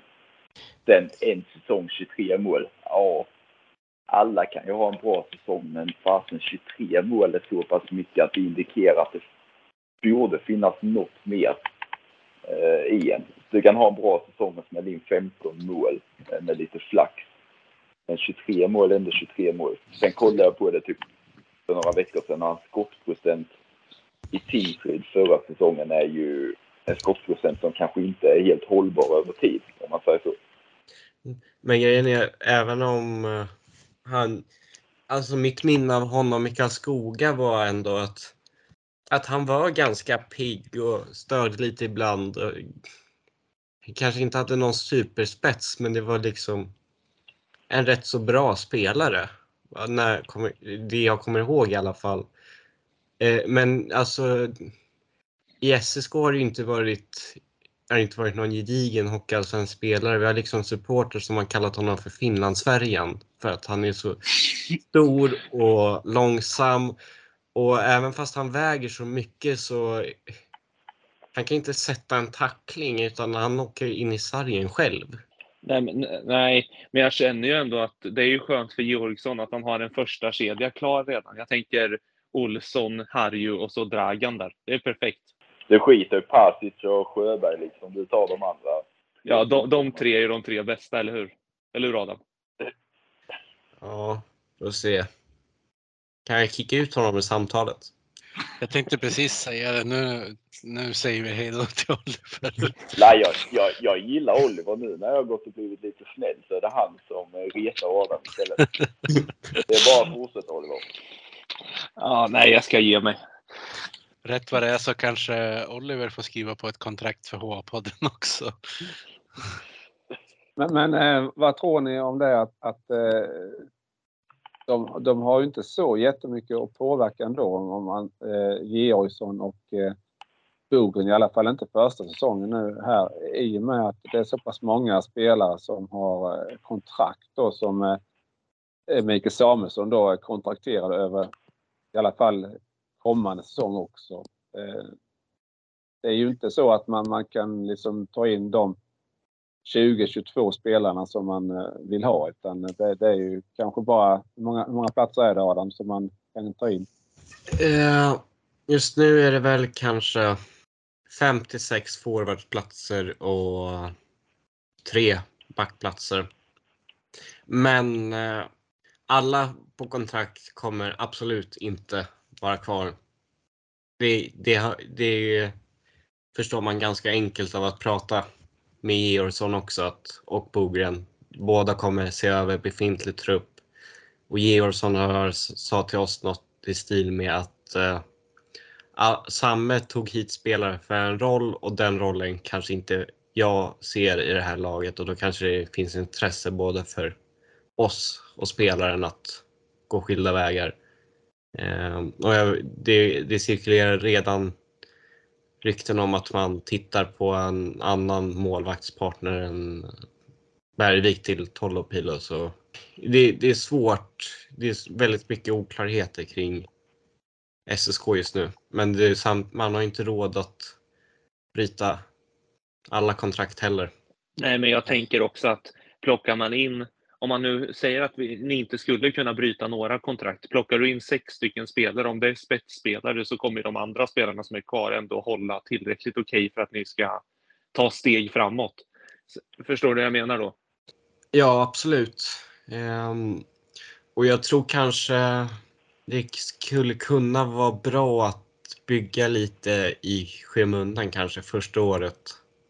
Um, jag vet inte om jag tycker att eh, den här topp tre satsningen som eh, klubbdirektören och ordföranden gick ut med efter nyår är så realistisk och det har väl kanske Bogren också och Georgsson också sagt att de kanske inte står bakom den helt och hållet. Eh, men prickar man de, alla de här luckorna som finns just nu så ser jag inte varför, om det är riktigt bra spelare så skulle SSK absolut kunna i alla fall vara i mitten och slåss om topp 6 även om det inte skulle vara långt ifrån SHL-utmanare. Man måste ju säga att Samuelsson har ju verkligen trott på den truppen han hade ställt upp inför den här säsongen med tanke på hur länge han låste fast dem på kontrakt och så vidare. Ja, det får man ju säga att han gjorde. Sen var det inte så smart av Eldebrink kanske att signa en 37-38-åring på två och ett halvt år. Um, så... Mm.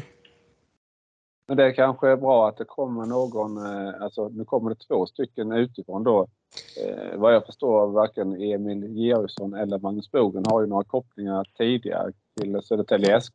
Så man, så sätt kan man ju liksom, det kommer in nya friska ögon liksom och man har inga band eh, på något sätt liksom eh, så till kopplingar till eh, tidigare eh, spelare eller, eller så eller, eller liksom på något sätt eh, till ja, styrelse eller vad det nu kan vara som liksom man, man kan rätt så med öppna ögon liksom ändå du säger, se över kanske verksamheten och eh, se över spelartruppen. Och, eh, båda har ju dessutom fått eh, treårskontrakt då. Det tyckte jag var lite, lite konstigt att Bogren då får tre år. Eh, Georgsson kan jag förstå som sportchef eh, men, men eh, Bogren är lite tveksam där att han får ett så pass långt kontrakt.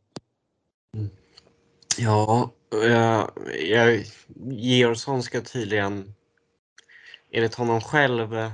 Det ska tydligen ha varit att eftersom Georgsson tvekade så länge SSK spelade, SSK kunde riskera att åka ur, så har klubben fått eh, sondera tränarmarknaden själva under den tiden och ta fram några kandidater. Men eh, tydligen ska ge Bogren vara en favorit hos Georgsson och varit någon han själv har velat ta till Västervik förut.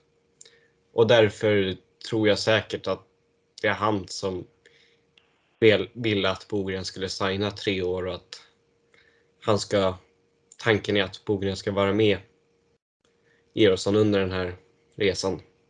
De har ju lite samma bakgrund nu i alla fall de senaste, senaste säsongerna. Bogren var ju som vi sa med och föra upp eh, Rögle i, i eh, SHL. Men eh, samtidigt så har ju de ju nu verkat eh, senaste åren i klubbar med lite mindre resurser. Det kommer ju helt andra, det säger ju Bogen också i den intervjun eh, du gjorde med honom Adam, att eh, det är helt andra förutsättningar och resurser i en klubb som eh, SSK då. Mm. Och jag vill när bara nämna det där du inledde med att det är jättebra att ingen av de här har någon form av SSK-koppling överhuvudtaget. Det har varit återkommande i alla år och det tycker jag är faktiskt bevis nog på att det har mer eller mindre varit något man har velat ha i sin rekrytering och inte kanske bara baserat på meriter. Det är liksom bara att ställa sig frågan på Jörgen Bemström som aldrig hade coachat A-lagsnivå tidigare som headcoach rätt man eller bästa mannen på marknaden att ta in om man ville sikta uppåt? Förmodligen inte. Jag tänkte på en, på en grej. Jag såg att du hade skrivit om att Alexander Anderberg skulle få ett nytt, eller att det pratades om att han skulle få ett förlängt kontrakt. Och eftersom det redan nu var, är det fyra backar de hade på ett kontrakt eller något va? Eh, ja, det, det står fem på Elite Prospects men det är för att Nordsäter inte har blivit presenterad av Frölunda. Ja, precis. Men då är det liksom fyra och ingen av de fyra som är nu är väl direkt någon spetsback. Och jag vet inte, Alexander Anderberg kanske imponerat hos er, men vad, av det jag sett av honom så tycker inte jag att det är en, ska vara en spetsback i Hockeyallsvenskan. Alltså Georgsson känner Anderberg. Han var väldigt bra i Västervik även om han inte har varit så bra hos oss. Hade honom som backcoach, vet hur han funkar. Jag tror inte att alla de här fem backarna kommer vara kvar. Eh, jag tror inte Anderberg är den man flyttar på först. Nej, okej. Okay. Jag, jag minns ju bara att han var verkligen ingen personlig favorit för mig när han spelade i, i BIK. Men eh, mer än så kan jag inte säga. Jag vet ju inte hur de andra fyra backarna som har kontrakt står sig i jämförelse med honom heller. Du har ju sett dem mer ja. än vad jag har gjort. Har Berg och kontrakt av dem?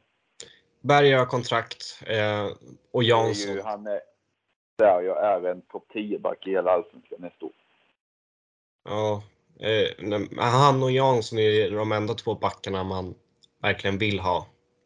Eh, och sen är det ju Anderberg, Malmström, Ullman och då har då har Anderberg haft ganska överlägsen bäst säsong av de tre. Men säg att Jansson, eh, ja jag gillar Jansson tar ytterligare ett steg nu. Han är ju fortfarande jäkligt ung och att eh, Berger bygger vidare på det han gjorde i år. Så tycker jag att man har två högst legitima topp 4-backar. Och träffar man rätt på eh, då rekryteringar på rätt av backsidan så tycker jag att man sitter på en eh, intressant och bra backsida men det gäller att eh, ge då som plockas in också är eh, bra topp 4-material. I så fall kan man sitta på en bra topp 4-backuppsättning. För jag älskar Josef Berger. Eh, jag vill ha han till KIK. Ludvig Jansson gillar jag också.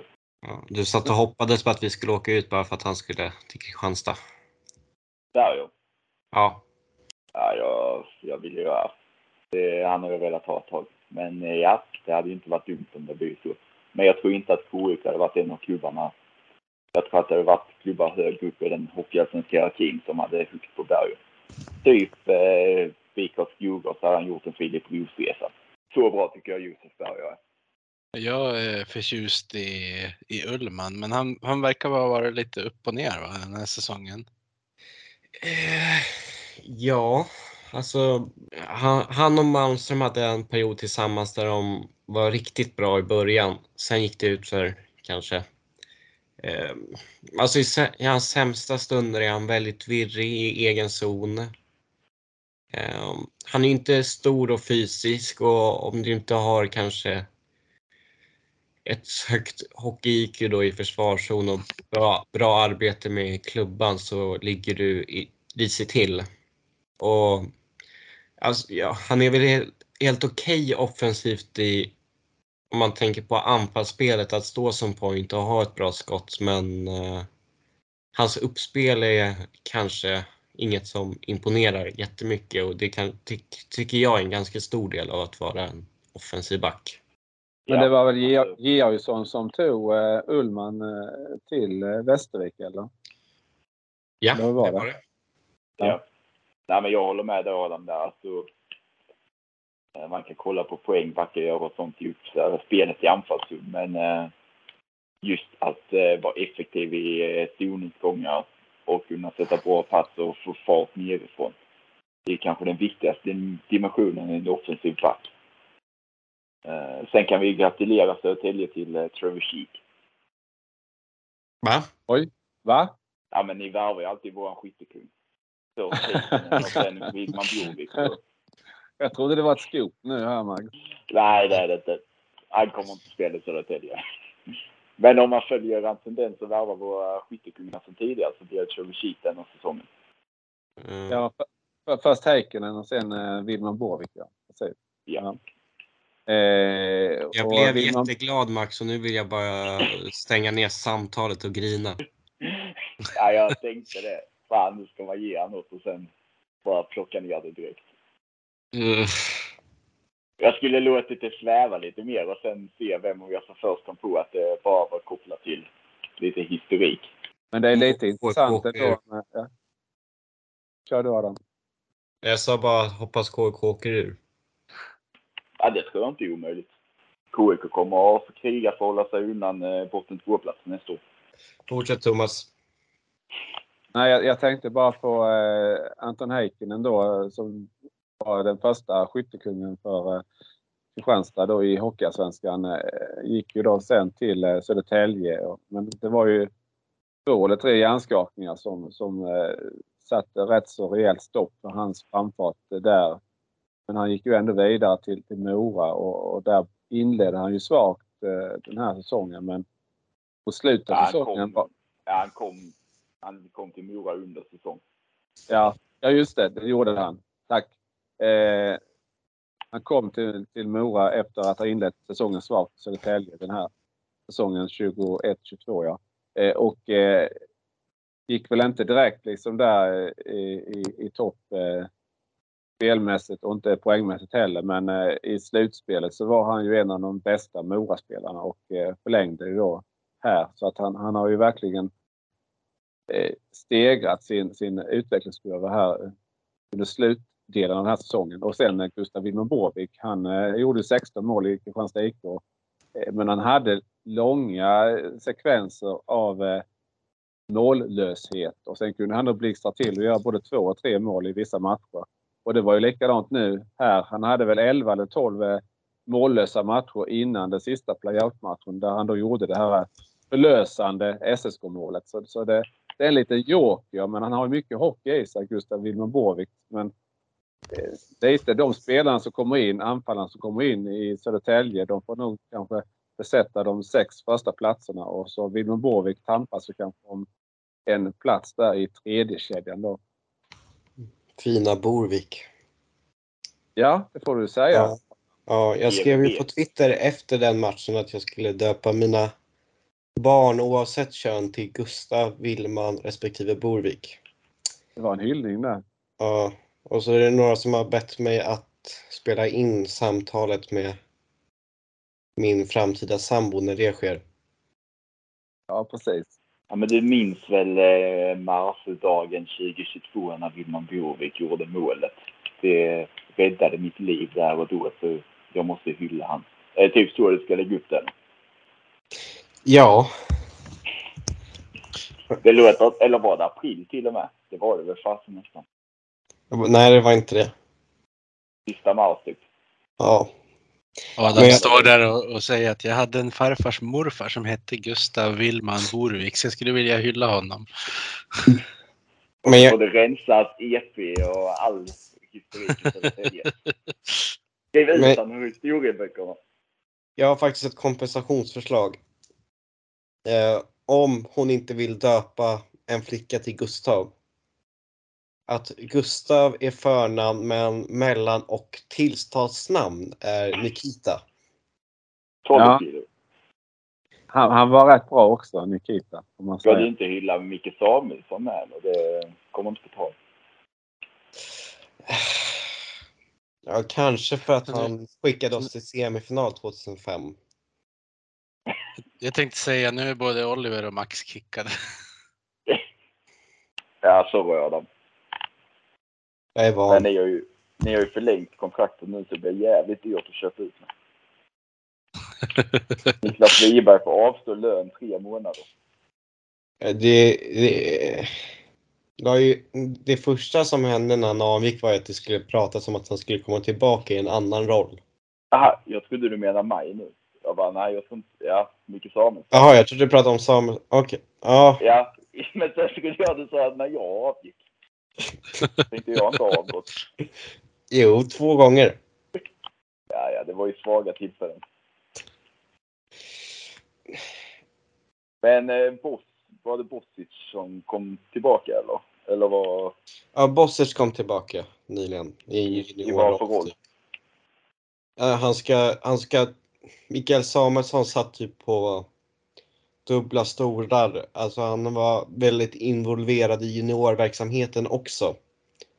Eh, och det har man kommit fram till var extremt stressigt för honom och därför har Dennis kommit in och ska ta den delen av juniorverksamheten så Georgsson bara fokuserar på herrarna. Ja, det är väl en bra lösning.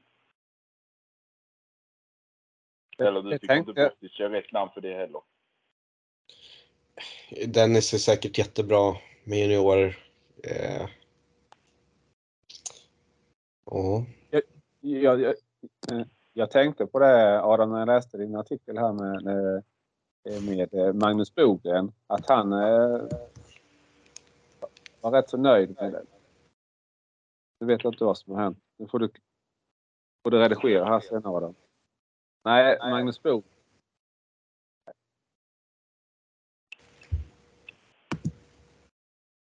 Det är en vajsing här. Ja, jo det är. Ja, nej men eh, jag tänkte på Magnus Bogren. Eh, i intervjun som du gjorde där med honom Adam. Eh, han var nöjd med att han inte behövde vara både sportchef och headcoach utan att han kunde koncentrera sig på att träna och det är det han helst vill vara. Eh, och det är klart att eh, SSK har större resurser så man kan ha en sportchef, man kan ha en tränare.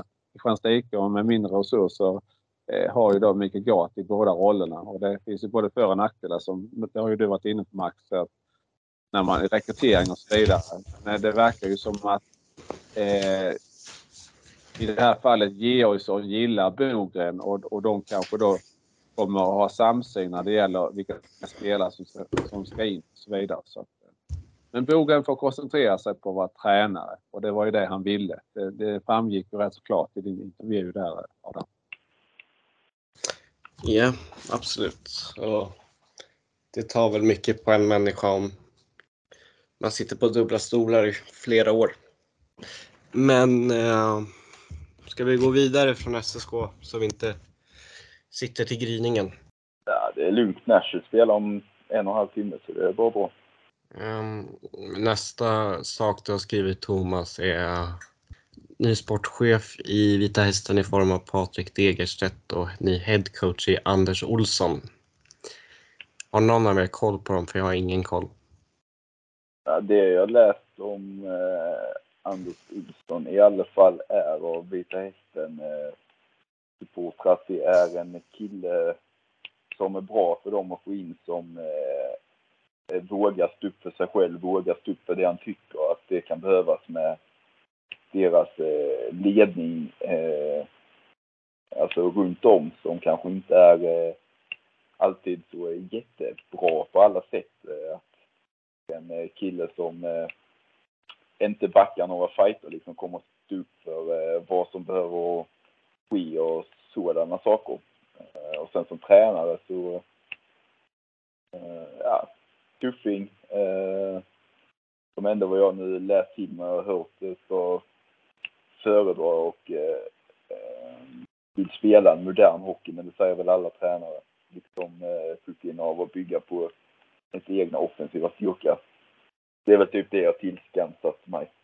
Sen vad gäller sportchefsbiten så eh, är det ju då Patrik Degerstedt som är sportchef. Tidigare har ju då Vita Hästen haft, i alla fall föregående säsong, en sportgrupp istället. Och det har väl inte varit så himla lyckat om man har förstått eh, det man har läst som utomstående då. Så att, eh, och nu är det då en person som har huvudansvaret för rekryteringen och det kan väl vara positivt att det inte är för många inblandade i, utan att det är sportchef och eh, headcoach då som eh, har det här eh, övergripande ansvaret då. två Och vi, personer. kan, och vi kan väl räkna med att hans son lär värvas tillbaka. Från Troja då ja. Ja, och de gjorde ju klart med Erik Hjort idag från AIK. Eh, som de tog ifrån Finland under säsong. En eh, värvning som jag gillar. Och det ryktas om att Axel Brage som nu också blir klart att han lämnar Leksand när eh, Manta Samali skrev på för dem ska tillbaka till Norrköpingslaget som han spelade upp till Hockeyallsvenskan 2013 någonstans. Vilket är en bra målvaktsrekrytering om det nu går i lås. Ja, så Vita Hästen-fansen har väl fått lite positivt att eh, prata om i alla fall. Kan man, kan man väl sammanfatta det som. I övrigt så var det väl rätt så mycket turbulent, eh, inte minst eh, utanför isen i Vita Hästen eh, under föregående säsong. Så är det. Minst sagt. Nej, så... Eh, nej, det verkar som att saker och ting är på rätt väg i Vita Hästen igen. Men jag tänkte på det här med Vita Hästen. Det ryktas väl ganska mycket om att han eh, Marenis ska försvinna till Modo va? Han är väl klar. Ja, är det inte så? Så det blir ju ändå någonting och det blir något att ersätta. Ja, det blir det. Eh, nej, så där... eh, det var ju väntat att han skulle försvinna. Eh, men ja, det är ju en jäkla tung spelare att försöka ersätta. Colby Får vi Sissons? Är han, är han kvar eller? Sissons? Nej, Sisson skulle inte heller kvar, skulle jag inte tro. Men det är väl Samuelsson och Marcus Eriksson som ska snugga vidare.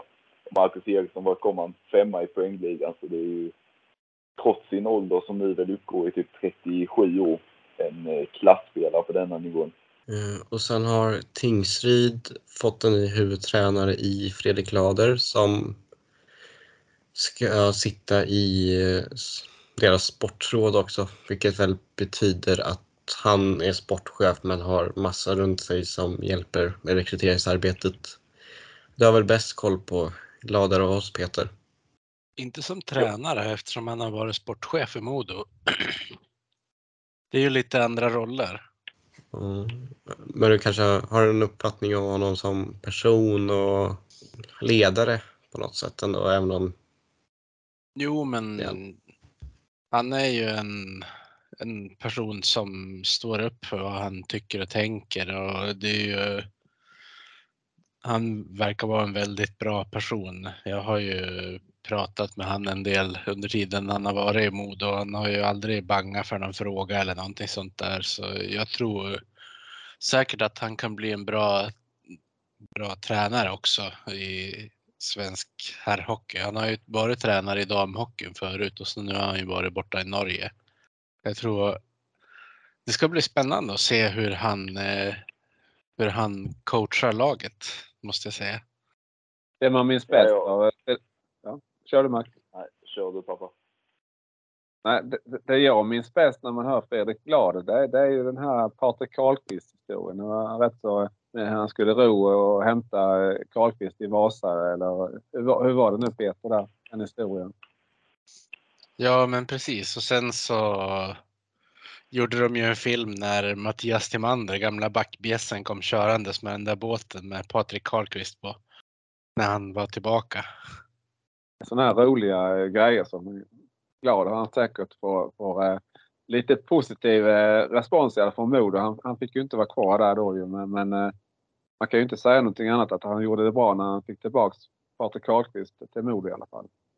Nej, och han gjorde bra värvningar inför den här säsongen också. Eh, sen var det ju en, ehm, en liten twist om eh, vilken huvudtränare han ville ha och vilken huvudtränare styrelsen ville ha. Så då valde han att kliva av istället. Eller fick hjälp att välja att kliva av. Jag vet inte vilket det var till slut. Men det var där den stora vattenbrytaren var i alla fall. Och det, det var det jag tänkte lite på det, i det sammanhanget. Eh, Henrik eh, Gradin blev då utsedd till årets sportchef i Hockeyallsvenskan. Eh, det var ju inte bara eh, Henrik Gradins förtjänst då, eh, den här, truppen som då nu spelar semifinal eh, mot eh, Björklöven utan eh, Fredrik Glader tog in en, en del av de spelarna i den truppen då. Så att jag tycker det var ett starka kandidat. Jag, jag vill inte ta ifrån Henrik Gradin någonting men jag tycker både Emil Georgsson och eh, eh, Mikael Gart var starka kandidater att bli årets sportchef. Ja, jag, jag, jag säger ingenting i den frågan. Nej, det behöver du inte. Eh, och sen har KIK dragit igång sin silly season lite grann. Vi kanske bara ska nämna, vi har ju inte gjort någon podd förutom när Johannes och eh, Thomas eh, pratade inför Modo KIK att eh, Robert Kimberg är tillbaka i Almtuna. Det har vi faktiskt inte nämnt i någon podd. Mm. De, Det känns väl som en eh, väldigt bra rekrytering. Ja, jag fick ju det när jag satt eh, på väg hem från Örnsköldsvik eh, efter match två på tågstationen så kom det fram en kille som jobbade som och scoutade lite för eh, Almtuna och jobbade nära Tony Mårtensson. Och sa bara till mig att eh, på tisdag så ska Almtuna träffa eh, Robert Kimby igen nu när Björn Danielsson har lämnat. Som var deras sportchef innan. Nu har ju Tony Mårtensson ansvaret själv. Och eh, så blev det ju. Och det känns som en väldigt bra rekrytering. Väldigt uppskattad assisterande tränare Björklöven under Fagervall när de gjorde sin eh, 121 poäng säsong och sedan ett bra år i Almtuna och sedan bröt han ju för att han skulle jobba civilt inom ett bra jobb där. Men enligt killen som jag träffade så var det en skit mellan honom och Björn Danielsson snarare som låg bakom avskedet och att han nu tog sig tillbaka när det var Tony Mårtensson som eh, styr skutan uppe i Uppsala igen. Och eh, apropå Almtuna så Marcus Karlström, han förlängde häromdagen också. Eller var Ja, exakt. till, till och med idag kanske det var. Ja, och de fick ju behålla Oskar Asplund, 03 Ganska, som hade tid från eh, de flesta SHL kan man väl tänka. Och deras eh, J20 gick ju typ rent hela säsongen och spelades upp i eh, J20 nationell. Efter så var Färjestad med typ 9-0 i sista matchen. Så det blåser positiva vindar upp i Almtuna just nu. Synd att de har noll intresse runt sig bara. Ja, det kan man tycka. Och de förlängde ju med Hampus Halestam. Så eh, det går bra. Ja, Men då fått tillbaka Emil Berglund. Han eh, lirar vidare i Djurgården nu i Hockeyallsvenskan. Han är väl lite Djurgården. Det är väl, eh, det är Challes son så det, nu när de ska spela Hockeyallsvenskan så är det väl en logisk destination för honom att fortsätta. Mm. Och sen eh, Kent Nubben Norberg kommer ju vara ny sportchef i HV, men det mesta tyder väl på att det är i SHL-sammanhang. Ja, Eller det kontraktet gäller ju i H, men jag menar att det mesta tyder på att H går upp. exakt. Det var du som flikade in det där Peter. Tack, Tack för det. Jag, jag glömde bort honom i hastigheten här. Det var bra Peter. Tack. Nu försöker jag prata med mikrofon avstängd tydligen. Eh, KIK Silly Season har dragit igång. Jag har tappat Dicho, Flod, Hansson och Sidorov. Några kanske väldigt väntade. Vad säger ni om de tappen? Ehm, ja. Det, Jag har ju skrivit, jag har ju skrivit om det Max så du får, du får ta det nu lite vad du tycker. nej, jag säger bara att det kommer ta ett långt jävla tag att smälta att det inte Herman Hansson kommer att spela Kristianstad IK. Det är det enda jag säger. De andra, ja, de lämnar. väntat. Men eh, Herman Hansson, att eh, Sidorov är en skit på att spela, Dishov, Flod detsamma. Att de lämnar, det är klart det är jobbigt men eh, att Herman Hansson lämnar, eh, ja jag satt typ och eh, kollade in i en vägg en halvtimme i eh, söndags kväll. Eller eh, i förrgår när jag nåddes av beskedet. Eller jag fick höra att han skulle lämna. Och sen när det kom ut offentligt så, eh, ja. Det är jävligt tungt, måste jag säga.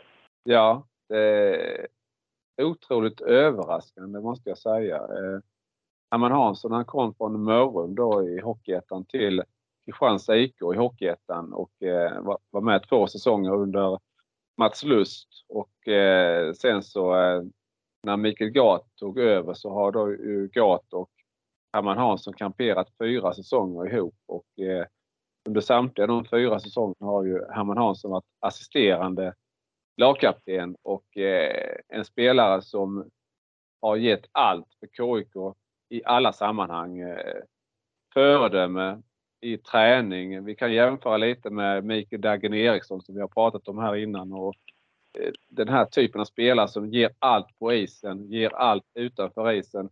Verkligen är en förebild för eh, klubben. Eh, I alla jag, tänker, jag tänker pappa eh, att han lämnar. Du var inne på det i texten med Malte Sjögren. Det är liksom, du kan ta spetsspelare utan att ja, de går att ersätta. Men jag skrev med några KIK igår att eh, den typen som Herman Hansson och Malte Sjögren är går ju inte att ersätta. Nej, och framförallt, framförallt inte ihop då. De två ihop liksom. Det, det var ju liksom nästan det, i alla fall på hockeyallsvensk nivå, det optimala boxplayparet då. Alltså, eller det här i fjärde kedja gnuggarparet då liksom. Eh, var och en för sig är de bra, men tillsammans liksom, de kompletterar varandra så otroligt bra på isen. Eh, och ofta, ofta i eh, ja, både fem mot fem-spel och även i boxplay-spel att, att de flyttar ner spelet från eh, egen zon till offensiv zon och kan hålla kvar eh, pucken där nere. Plus att de även skapar en hel del målchanser i boxplay-spelet. Alltså med sin aggressivitet och sin jävlar anamma och liksom sin oerhörda vilja. Eh, kamplust. Aldrig ge tappt, alltså alltid se möjligheterna. Nej, Och sen, det, har ju, och sen har ju båda två utvecklats som, ja vi ska inte prata om att Malte har lämnat men eh, det finns SHL-intresse runt Malte Sjögren men eh, framförallt Herman Hansson tycker jag har utvecklats som hockeyspelare något enormt de senaste åren och gått och blivit en bra allsvensk hockeyspelare även i själva hockeyspelandet om man tar bort alla andra eh, aspekter också så eh, det är bara att tacka för sex otroligt väl genomförda säsonger av Herman Hansson. Men eh, Ja, och sen- är ju såklart ett extremt tungt tapp. Flod är detsamma. Sydroff är detsamma, men eh, de är ju väntade på ett helt annat sätt. Och det låter kanske konstigt att säga, men de är lättare att ersätta än vad Herman Hansson är. För Herman Hansson bidrar med eh, saker som nyförvärv och andra inte kan göra. Nu ska detta inte bli någon KIK-podd och alla lag släpper spela och tacka iväg så vi kan väl nöja oss med KIK-snacket där. Annars ska vi ta 10 minuter om att Västerås har släppt Filip Karlsson och ryssarna de med så Men innan vi släpper KIK helt så ni har ju förlängt med en av seriens bästa backar i Viktor Gran. Det är ju värt att nämna. Vad, vad säger ni om det? ja, det är det är, det är faktiskt ja, det är, det är otroligt att man lyckas förlänga där. Det är en topp 5-back i hela serien. Men eh, Viktor Grahn trivdes otroligt bra här och har tagit eh, jäkligt stora steg och han är fortfarande bara 23 och kommer att spela i SHL i framtiden. Så eh, jag tror han ser det som ett steg att utvecklas ännu mer, få en ännu större roll eh, och få jobba med Piva och Gat eh, och Gistet. Men framförallt Piva, då är det defensivt utveckla det spelet. Så eh, jag visste ju det ganska tidigt att Viktor Grahn skulle vara kvar, men det var ändå ganska så... Eh, ja, det var förvånande ändå att man lyckas förlänga med Viktor Grahn. Ja, jag har inte så mycket att tillägga egentligen. Alltså det, han kom ju från Karlskrona, Hockeyettan, och eh, jag var tveksam i, i vilken plats, vilken i, i hierarkin som han skulle ta. Skulle han hamna i andra, tredje backvalet, kanske till och med sjunde back. Men, men han visade tidigt under försäsongen eh, otroligt starka defensiva kvaliteter och sen eh, efterhand som han fick mer och mer förtroende av eh, Mikael Gat och Peter Johansson så, så tog han ju de här offensiva kliven också och eh, ja, växte ut till en, ja, både jag och Max gav honom ju en femma på vår skala från 1 till 5. Femma lika med SHL-klass då så att och han var ju utlånad då både till Växjö två matcher men där fick han ju inte spela på grund av covid-19 utbrott i Växjö och även till eh, Rögle BK där han fick spela två SHL-matcher då så att eh, jag trodde ju definitivt att han, skulle, att han var förlorad. Så att jag är mycket glad över att Viktor Grahn spelar vidare i Kristianstad IK.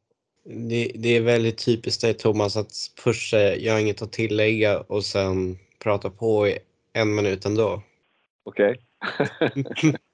Och, Inget fel med det, utan Det är en helt korrekt eh, analys Adam, fast eh, en minut är mindre än vad det brukar vara. det är sant. Ja, men nu, var det, nu skulle det inte vara någon KIK-podd. Ska vi, ska vi gå vidare kanske? Ja, men, Nästa KIK-podd kommer i augusti. Om inte Men- du kör själv pappa, för jag har tagit ledigt. men vi avrundar med veckans hiss och diss.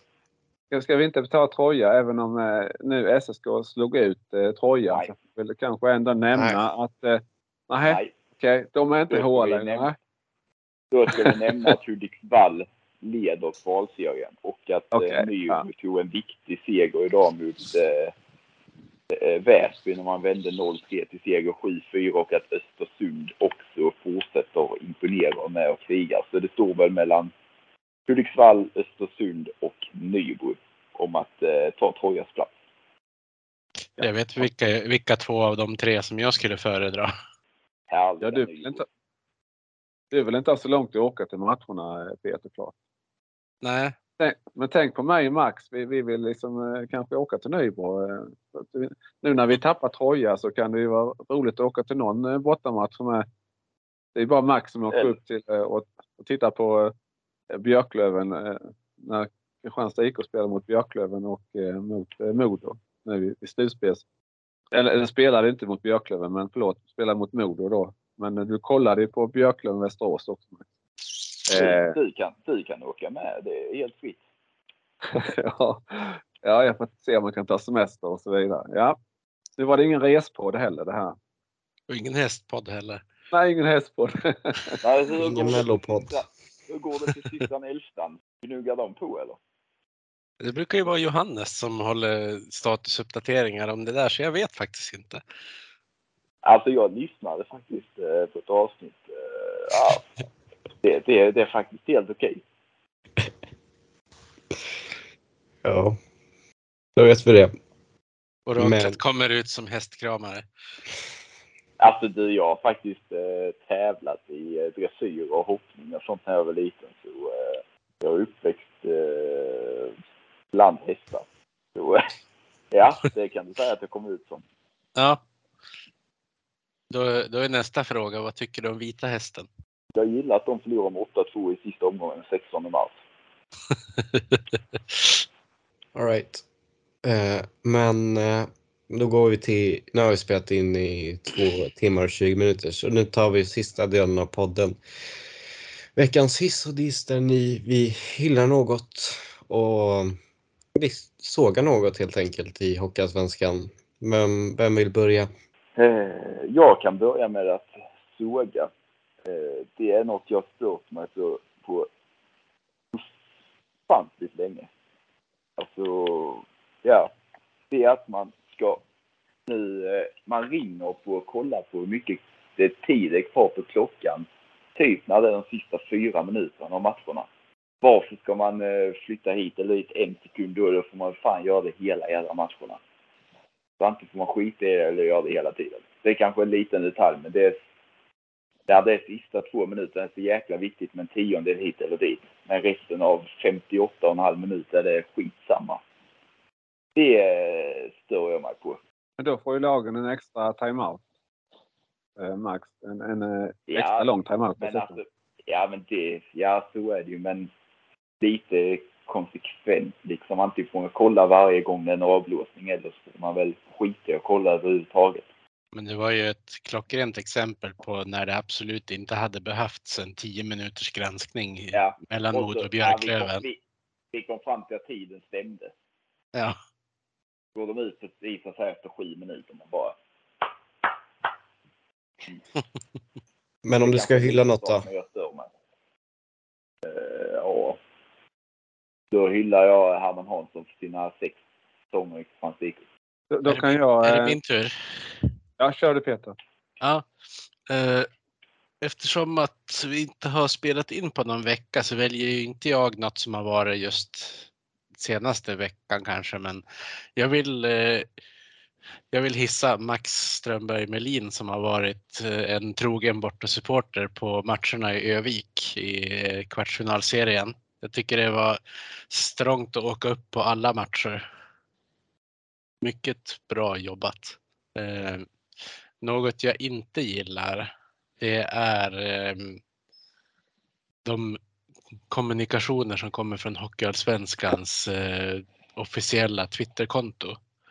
Alltså, för det första är det ju huvudlösa val av eh, matchens tre stjärnor emellanåt. Eh, vissa grejer de lägger upp är ju helt utan fingertoppskänsla. eh, Som Slutspelstaxin. Ja, precis.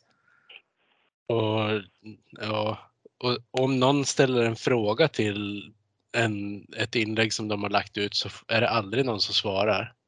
Jag förstår inte vad det där kontot, alltså det skulle kunna vara en så stor tillgång om de skulle ha någon som brydde sig om vad det faktiskt är för content de delar ut och att de faktiskt är engagerade i att svara om det är någon som har en uppföljning eller så. Så jag, jag väljer att såga Hockeyallsvenskans officiella Twitterkonto. Då måste jag hylla Gabriel Mondiel som eh, med sitt privata konto är inne och svarar på så mycket han kan. Ja, Och är runt, i arenan och skriver ut att ja, nu står jag vid den baren, kom förbi och fråga om det är någonting så. Eh, Jag håller med i din såg, men eh, vill bara lägga till en flik där att jag hyllar Gabriel Mondiel som tar så många diskussioner han kan, svara på så bra sätt som möjligt och är tillgänglig. Skriver du till honom eller taggar in honom någonstans så får du ett svar. Ja, det är inom 20 minuter allt som oftast. ja, han ska ha cred. Det är synd att han är den enda.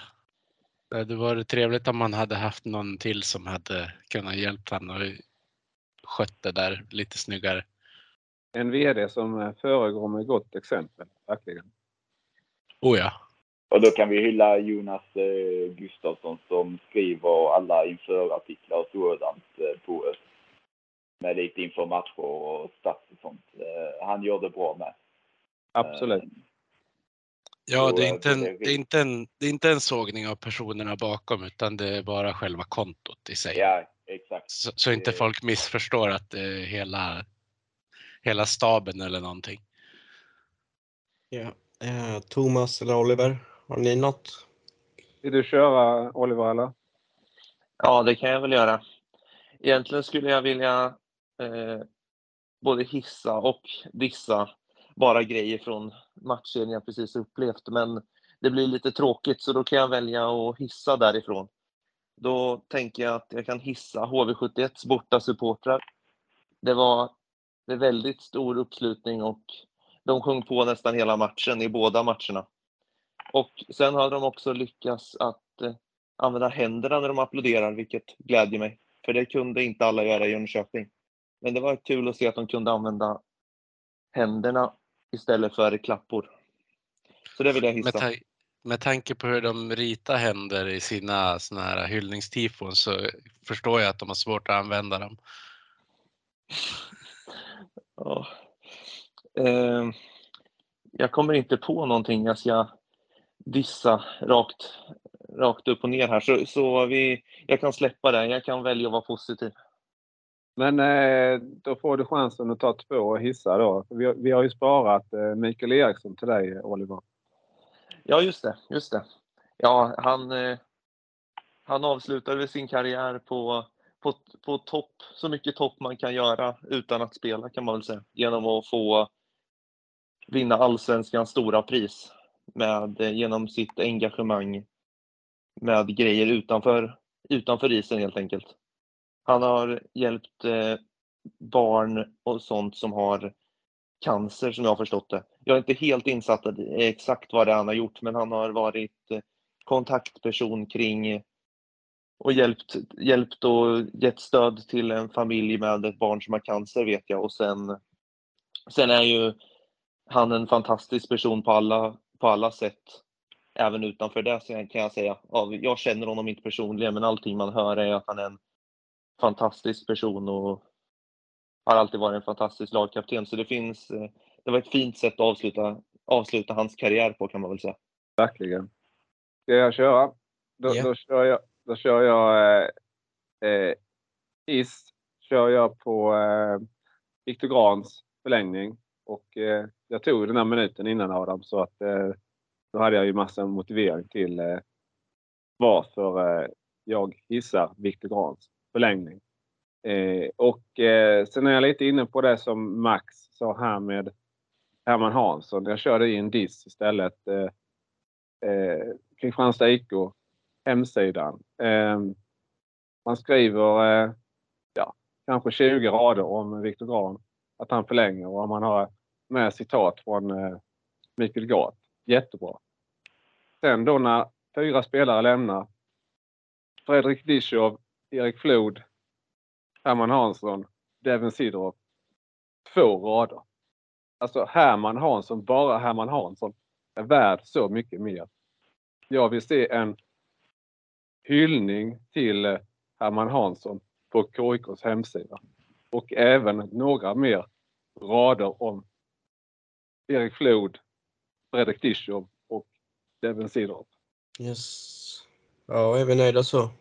Det tycker jag. Vad har vi kört? Två och en halv timme? Ja, Oliver, var det värt eller har vi bara hållit det uppe halva natten i onödan?